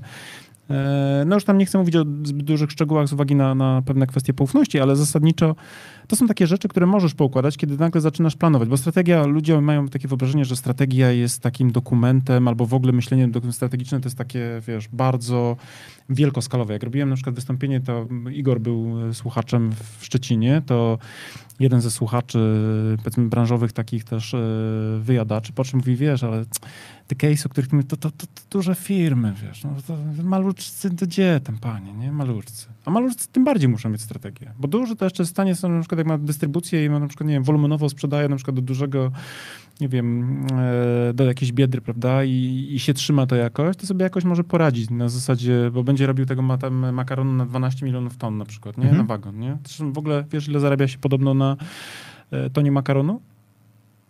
Czekaj, ale ty zupełnie poważnie zadajesz No. to pytanie? No, bo ostatnio mi jeden znajomy, który jest konsultantem. Na, to, e, na tonie makaronu. No, jak sprzedajesz na przykład do biedry albo tego, tego typu dyskontu, nie? Kiedy jesteś dostawcą, nie? E, brutto czy netto? Już nawet e, nie Po- wiem ci powiedzieć, e, no, po, na tonie. Po opodatkowaniu? Niechby to było czy- nawet netto. Niechby to było nawet Ale netto. ty, po opodatkowaniu? I ze wszystkimi jakby kosztami? Zostawmy to jako przychód netto. Na tonie no, makaronu. Na tonie, no. E, jedna tona makaronu, który jest po 13,90 w sklepie, razy to wychodzi... Kiedy jesteś tyś- producentem, ty, nie? ty, jak jesteś producentem, na jednej tonie zarabiasz e, 20 minus Sześć, 16. Czekaj, czekaj, czekaj, czekaj, daj mi to policzyć, że jestem blisko. Value based. E, 3678,4 zł i 44 grosze. To chyba nie. To chyba nie. Ten e, kolega, który jest tym konsultantem, który pracował, robił projekt w ogóle, opowiadał, że generalnie wychodzi im na tonie 3 grosze, nie? Na tonie makaronu, kiedy wiesz, tego, tego, w tego typu ilościach e, produ- produkujesz, nie? Kumasz. Na poziomie producenta? No. Nie. No. Jak? Podobno. Nie, Nie, wiem. no, nie. Ja tam, wiesz, nie siedzę w tych Nie, liczbach, to on, ale on to... powiedział, ile on zarabia jako konsultant na tonie makaronu. Niechby to nawet było 3 złote, nie? No, no Ale nie, to z tego, co, co akurat mówił, to były 3 grosze. Tak, tak Niemożliwe, rozumiem, że to nie- były nie- śladowe jakieś kwoty, nie? Nie, niemożliwe. I teraz nawet jeżeli... Nie jednąłem się tak bardzo w wyliczeniach, przecież liczyłem, liczyłem to dobre z 3 minuty. Słuchaj, nawet jakby to było, powiedzmy, że pracujesz dla dwóch takich trzech i wypuszczasz tych pierdyliard ton, to sobie jakoś tam poradzisz. Ale maluczki, tak, który generalnie rzecz biorąc e, jedzie na jolo, to on nie nadrobi wolumenem. Nie. No nie ma szans. Tak? On, on będzie albo zarabiał godziwie, albo nie będzie zarabiał wcale. Bo za chwilę wejdzie mu, wiesz, po, porządny ZUS, potem będzie na przykład cokolwiek, co będzie chciał mieć, prawda? Whatever. To się okazuje, że orzesz na rachunki. Jakbyś zrobił bilans tak naprawdę małej działalności gospodarczej, to większość ludzi tak naprawdę w ogóle na działalności gospodarczej nie powinno być, tylko szukać normalnej roboty na etacie Mhm. gdzieś. Bo się okazuje, że zarabiają mniej niż ludzie, którzy idą do, wiesz, roboty od 8 do 16, a mają jeszcze przy okazji urlopy. Nie? A dlaczego tak zarabiają słabo? No bo de facto mają problem na przykład z pozyskiwaniem klientów właściwych, nie? tych, którzy na przykład są w stanie położyć godziwy hajs za usługę, albo na przykład też w ogóle mają problem z budowaniem tej wartości postrzeganej, nie? tej swojej roboty. Tak? I tutaj odpowiedzią na takie, wiesz, dywagacje jest zawsze strategia marketingowa. Nie, value-based selling. No ty tak powiesz, a ja powiem, że... Co nie zmienia faktu, że jakby początkiem value-based Będzie- selling pierwszym, strategia. pierwszym elementem Tak jest jest. strategia. Znaczy, pie, A w ogóle wszystkiego, nie? Albo Pier- inaczej, jeszcze ja zawsze mówię, wiesz, najpierw w ogóle rozeznaj się w tym, co będziesz robił, prawda? A potem na tej bazie stwórz strategię, a potem poddaj ją egzekucji. Ale my jak pracujemy z klientami, to klienci potrafią na przykład wzrosnąć o 200-300% tylko dlatego, że zmieniają koncept, na którym pracują. Miałem kiedyś takiego młodego człowieka, który był na u mnie konsultacji specjalnej. On prowadzi jakąś działalność e, kreatywną. Robi coś na fejsie, w sensie reklamę na fejsie. A to jest bardzo... A, myślałem, że ten, ten... Nie, robi, to jest agencja reklamowa, ale robi, wiesz... Już powiem się, miałem takiego małego klienta, który ma taką działalność kreatywną Marvel.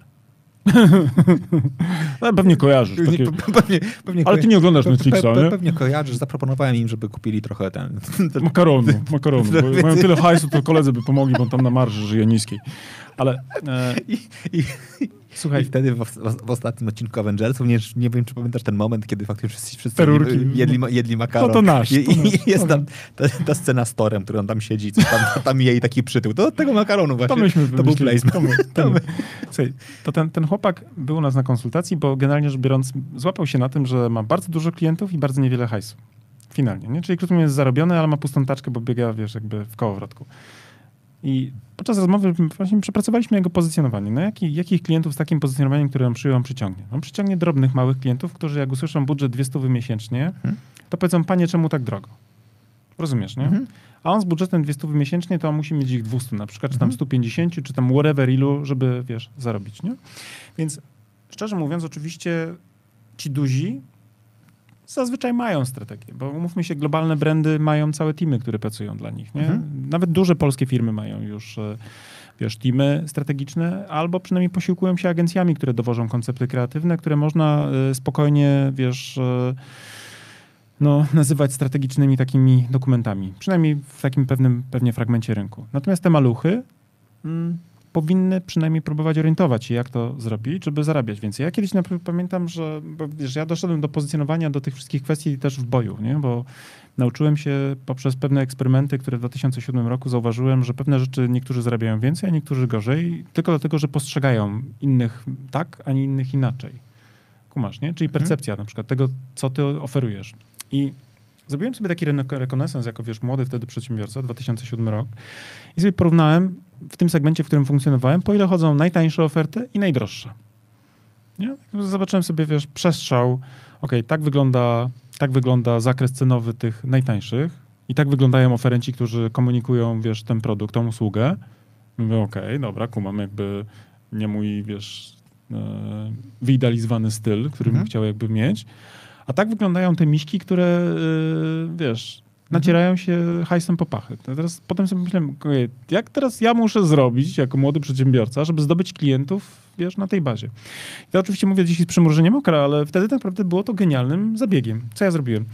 Jako młody przedsiębiorca musiałem zdobyć pierwszych klientów takich na usługi doradcze. Wtedy nie robiliśmy usług e, strategicznych, marketingowych, tylko bardziej były takie kwestie, wiesz, e, nawet ja sam tego nie robiłem, tylko mm, Ja zapraszałem do współpracy Te, te ulotki, co mówię, że wtedy Ulotki, roznosiłeś normalnie. lotki, haracze, porwania, takie, wiesz, podstawowe rzeczy, które to tanio można było specjalistów zatrudnić, nie? Ja pamiętam, że te, te, te wymuszenia pierwsze to chyba robiłeś samodzielnie.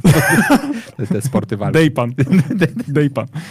Y, Myśmy wtedy świadczyli usługi takie typowo HR-owe, typu tam komunikacja, szkolenia interpersonalne, takie tam rzeczy, ale to, to robili na przykład zatrudnieni y, do projektów y, psycholodzy. Ale ja pamiętam, że wtedy sobie doskonale zdałem sprawę z tego, że muszę stworzyć pewien obraz w oczach, jakby w umyśle tych grup, wiesz, moich decydentów, do których adresowałem, marki, która e, po pierwsze będzie godna zaufania, bo to jednak, jednak ludzi z zewnątrz do, do ingerowania w jakimś tam zespole, tak, było jakimś tam powiedzmy mm, odpowiedzialnym zakresem, ale z drugiej strony też no nie chciałem jakby sprzedawać jakby tych usług najtaniej, dlatego że ja byłem wtedy w roli nawet e, nie tyle wykonawcy, co pośrednika, więc ja do garzy tych e, specjalistów musiałem doliczyć swoje, więc jakby siłą rzeczy nie mogłem Raptem 120%, ale jakby No, kto, ale- kto, kto z tego przeżyje? No?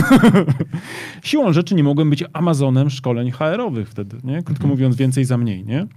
Więc musiałem zadbać na percepcję. I pamiętam jak dzisiaj, ten 2007 rok, jak zadbałem o te wszystkie rzeczy takie, które dzisiaj są takim podstawowym elementem brandingowym, czyli zadbaj o interfejs komunikacji twojej marki, nie? Czyli identyfikacja wizualna, naming, y, papiery, które zostawisz klientom. Ja pamiętam, że ci ludzie, do których ja adresowałem spotkania, nie? to oni jak zobaczyli ofertę, którą wydrukowaliśmy, to oni podchodzili do tego w sposób e, z namaszczeniem. A dlaczego? No bo oni dostali papier, który był, e, wiesz, wydrukowany w odpowiedniej jakości. To była taka kreda, papier kredowy, setka satynowana. Do tej pory pamiętam jakby parametry tego papieru, jak mi mówiła babka, która to I przygotowywała. powiedzmy szczerze, to było w Poznaniu, tak? I to było w Poznaniu. To w Warszawie by to, wiesz, na nikogo nie zrobiło wra- wra- wrażenia, ale w no, Poznaniu nie wiem, nie wiem, stary. wszyscy, wiem. wszyscy patrzyli i mówili, u panie. W 2007 w Warszawie wy tu jeszcze prądu nie mieliście przecież. Nie, no, ale No wiesz, zobacz, co tu się dzieje. 2019, a tu się... Nie, to jest Tu taki, człowiek przestaje kręcić korbą i momentalnie, wiesz, nie ma wizji, nie? to był sygnał po prostu, że przesadzasz tym papierem. No, wi- ewidentnie no, no. nawet tablica pomyślała, wyłączam się, jak o, o, o tym Wyłączę prąd, nie pedałuję. Nie, nie pedałuję, bo to w nosie.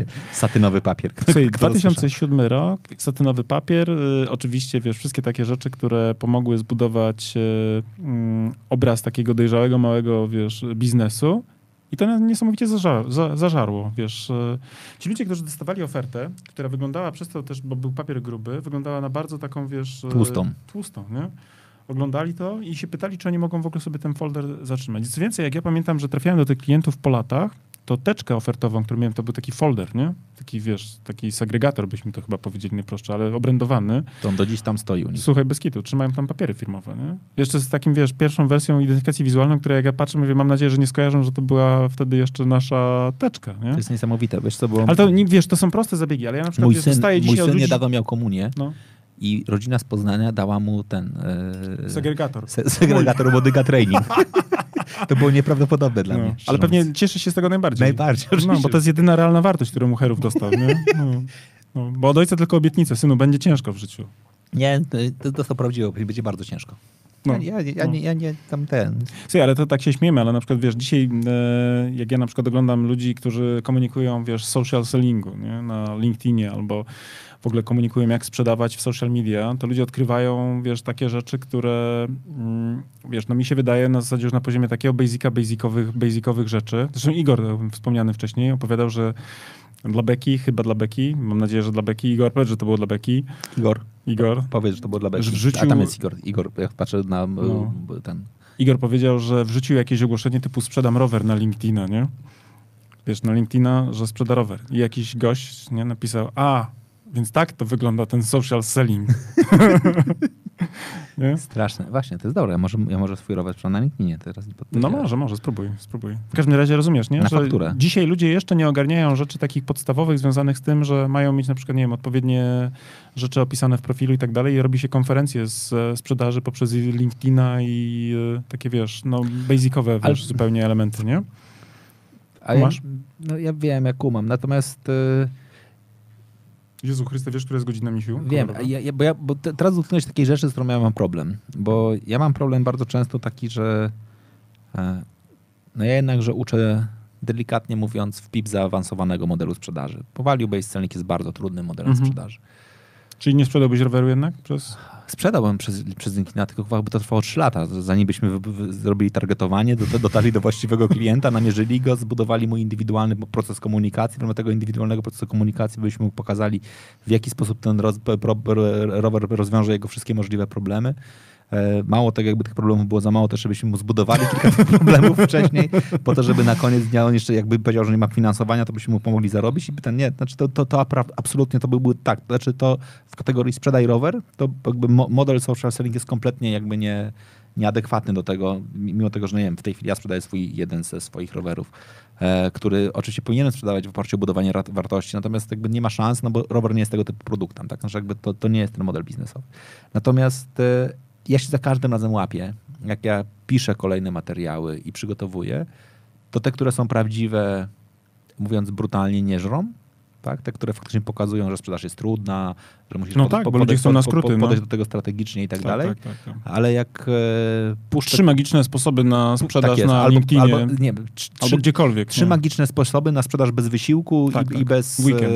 e, ofertowania, tak? Tak, tak, tak. Albo sprzedawaj tak, że klient nie zorientuje się, kiedy kupił. Tak. E, to wtedy nagle się okazuje, że jest wiek. No jakby klik, klik, klik, klik, Tak, klik, tak, klik, tak. klik, klik, klik. Konwersje są w ogóle nieprawdopodobne.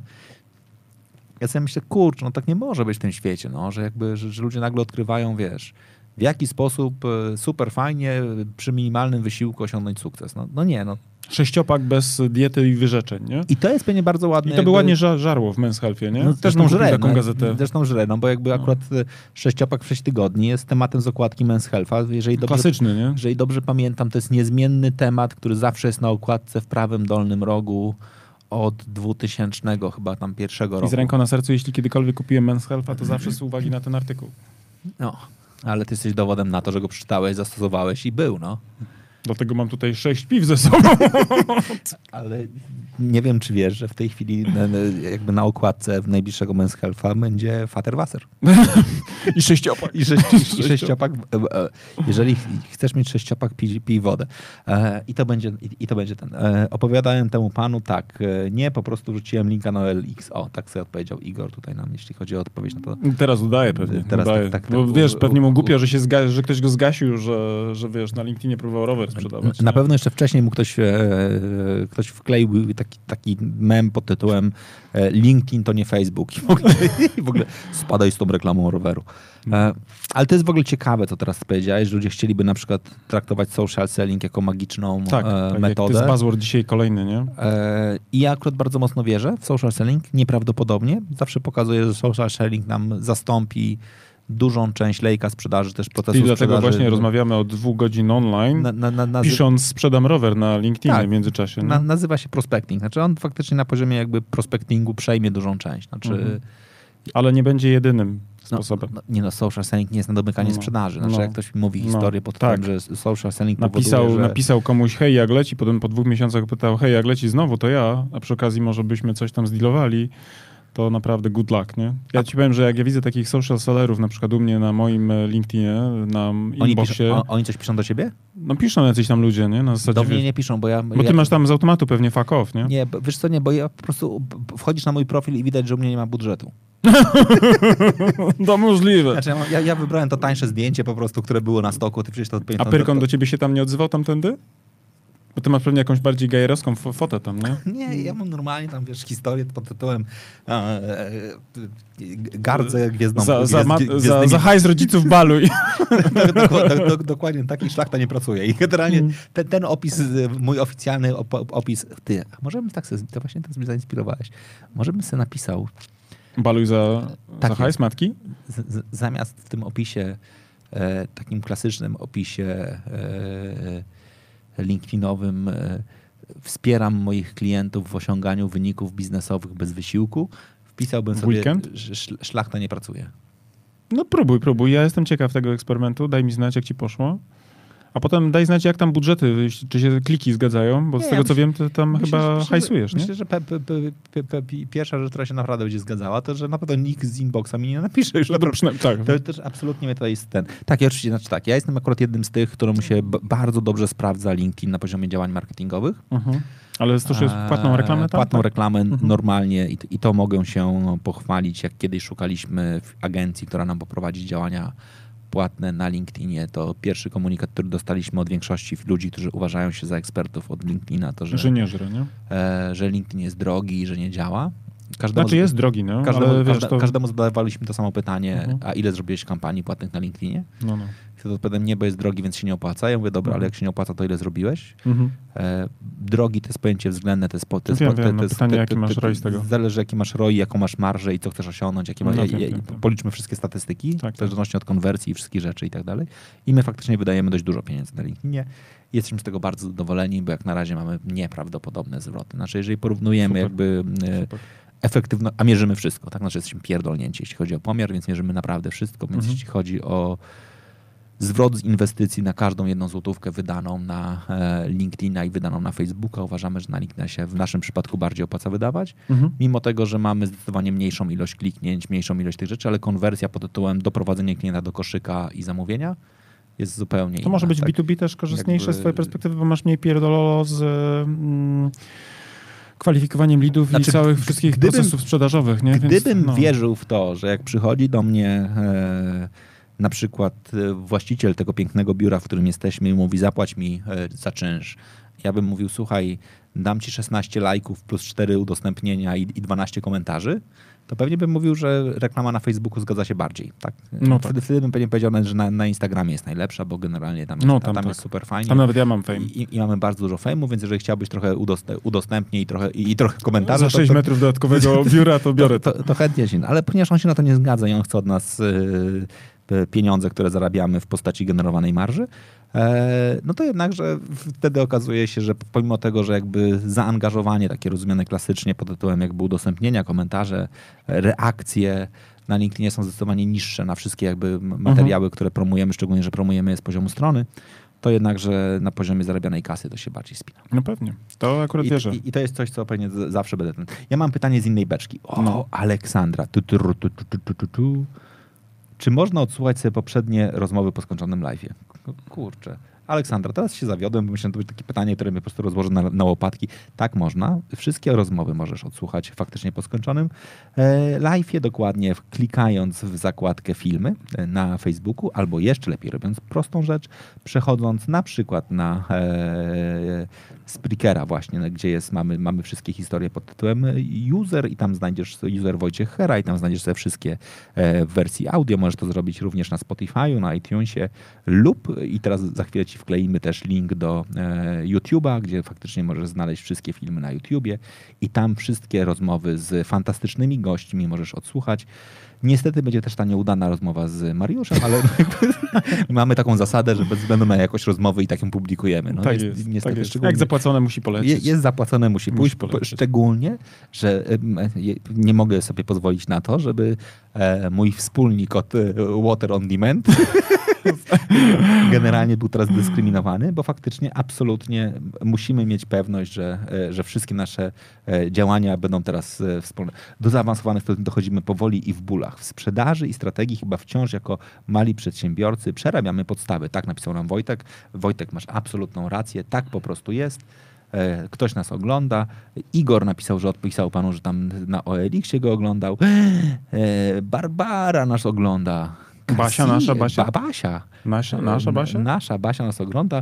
Maciej nas ogląda cały czas, ale dlatego że też jest opłacony, bo jest z tej strony. Maciek, nie wiem, czy w ogóle wiesz... Maciek Lewiński? Ma, tak, Maciek Lewiński. Maciek jest kochany, bo Maciek ogląda prawie wszystkie nasze audycje, które mieliśmy razem. Naprawdę? Zawsze był prawie, no. A ale Tu wy- zauważyłem, że jeździ za mną autostradą, nie? Nie, wiesz co, bo on jest... jest cudowny bo, człowiek. bo on ma taką opcję, jak, jak się kupuje osoby ze... ze Plus wiedział, że jadę do ciebie, bo mi złożył życzenia, wiesz, powodzenia u Hery. No stary, no bo, Albo z Herą, nie wiem, co miał na myśli.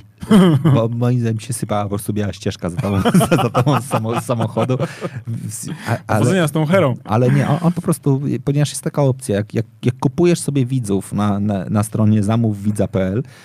to tam jest taka opcja, czy chcesz... e, Z Poznania na Z przykład. Poznania. Tak, na I- poznańskiej blachach. I to Maciek jest. I, te, i, I wtedy jest Maciek, Maciek jest tam jakby, czy, czy chcesz, żeby widz pozdrowił kogo, twojego gościa na autostradzie, możesz kliknąć. To kosztuje strasznie dużo siana. To, to, był, to, był, to jest najdroższy. Cztery butelki Fater Wasser.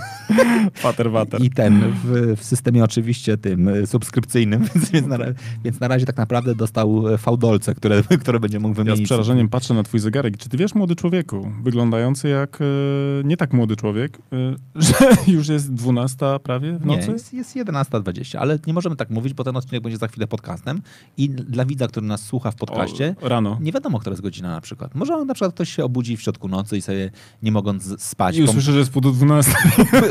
pomyśli sobie, pos, posłucham sobie Hery i Łodygi, to na pewno będzie wartościowa audycja. I on teraz, I że rano. i on teraz sobie siedzi cały czas, jest No, czwarta nad ranem, on myśli, kiedy będzie ten moment, kiedy ta audycja będzie wartościowa. No. I, i, i, to, i, to, I to dalej nie... e, Niestety nie. To nie jest ten moment. Nie. Chciałbyś kończyć? Musiałbym kończyć, dlatego że jutro rano występuję w tym ministerstwie i e, jak ja będę jutro nieprzytomny, A to jest ministerstwo... to ja się obawiam, że jutrzejsza ministerstwo- konferencja... Ja nie... Ministerstwo Rolnictwa, prawda? Będziesz, będziesz mówił o źródłach odnawialnych, wszystkim wody. To jest Ministerstwo Inwestycji i Rozwoju, co mnie bardzo cieszy. I powiedz im, że jest nowa opcja do, do, do inwestycji i do rozwoju. Tak jest. Plus jeszcze będę mówił o tym, że można, można, uwaga, włączyć strategię do y, komunikacji instytucji publicznych. Więc Wow. wyobraź sobie, że chcą o tym słuchać, nie?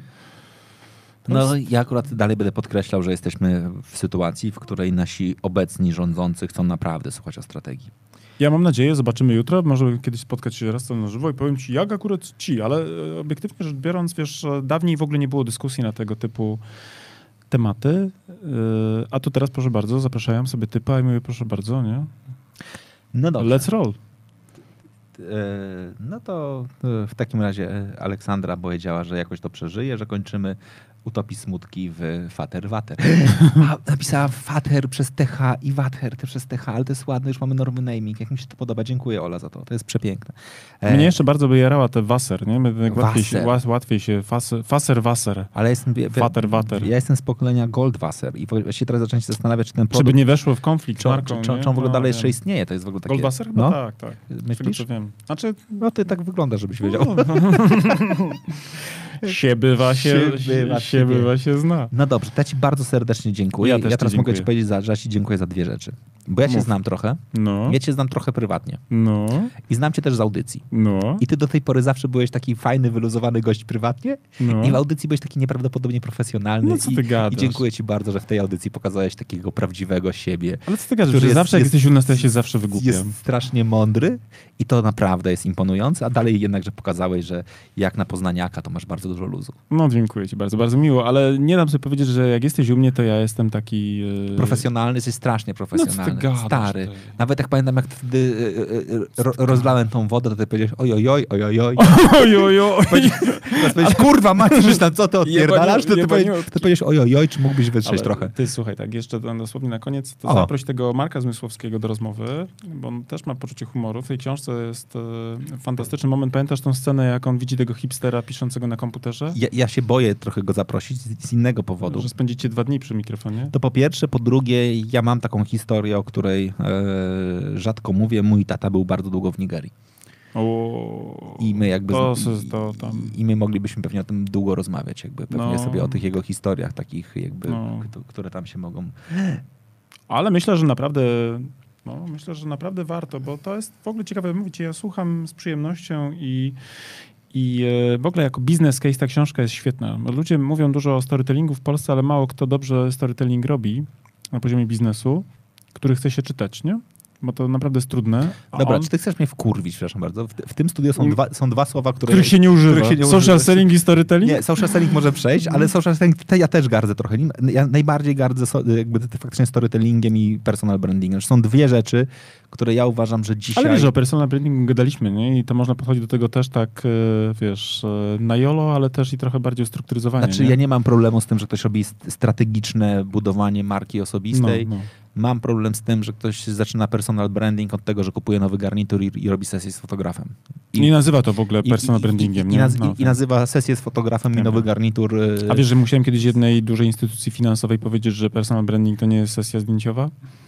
Ale oni przecież chcą sesję zdjęciową, w której i oni wtedy będą publikować te, te, te zdjęcia i to będzie personal I branding. personal branding, no. To my musieliśmy to mówić, to był duży międzynarodowy bank i musiałem to tłumaczyć menedżerom z wieloletnim doświadczeniem, że to nie jest personal A branding. to jest, bo jeszcze, bo jeszcze oprócz tego powinieneś dodać, na jakich konferencjach warto bywać i na, na, z kim sobie... I że trzeba wrzucać informacje na LinkedIna, jest. że sprzedam rower.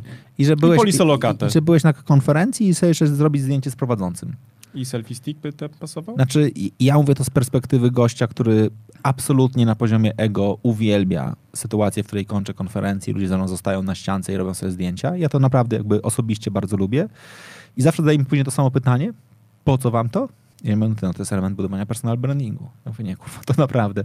Znaczy, przepraszam bardzo, jeżeli ktokolwiek myśli, że zdjęcie z herą pomoże mu w jakimkolwiek personal brandingu, O nie, ale No oni to- cały czas myślą, że ty grasz w Star Warsach.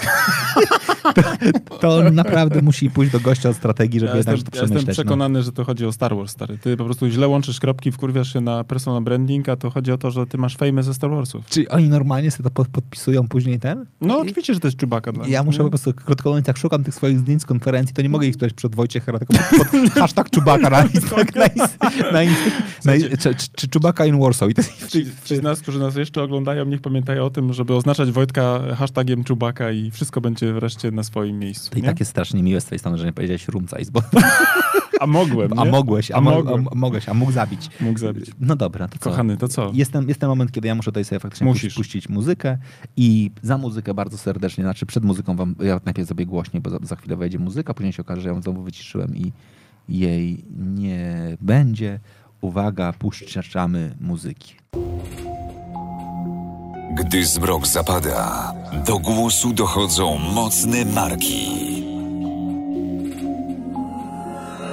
Herra on Air. Nocne rozmowy o sporcie, biznesie i przedsiębiorczości. Wyjątkowi goście, aktualne tematy. Mówimy jak jest. Bez ściemy, cenzury i kompromisów. Na żywo. Zaczynamy. Cisza w eterze. Oddajmy głos Herze.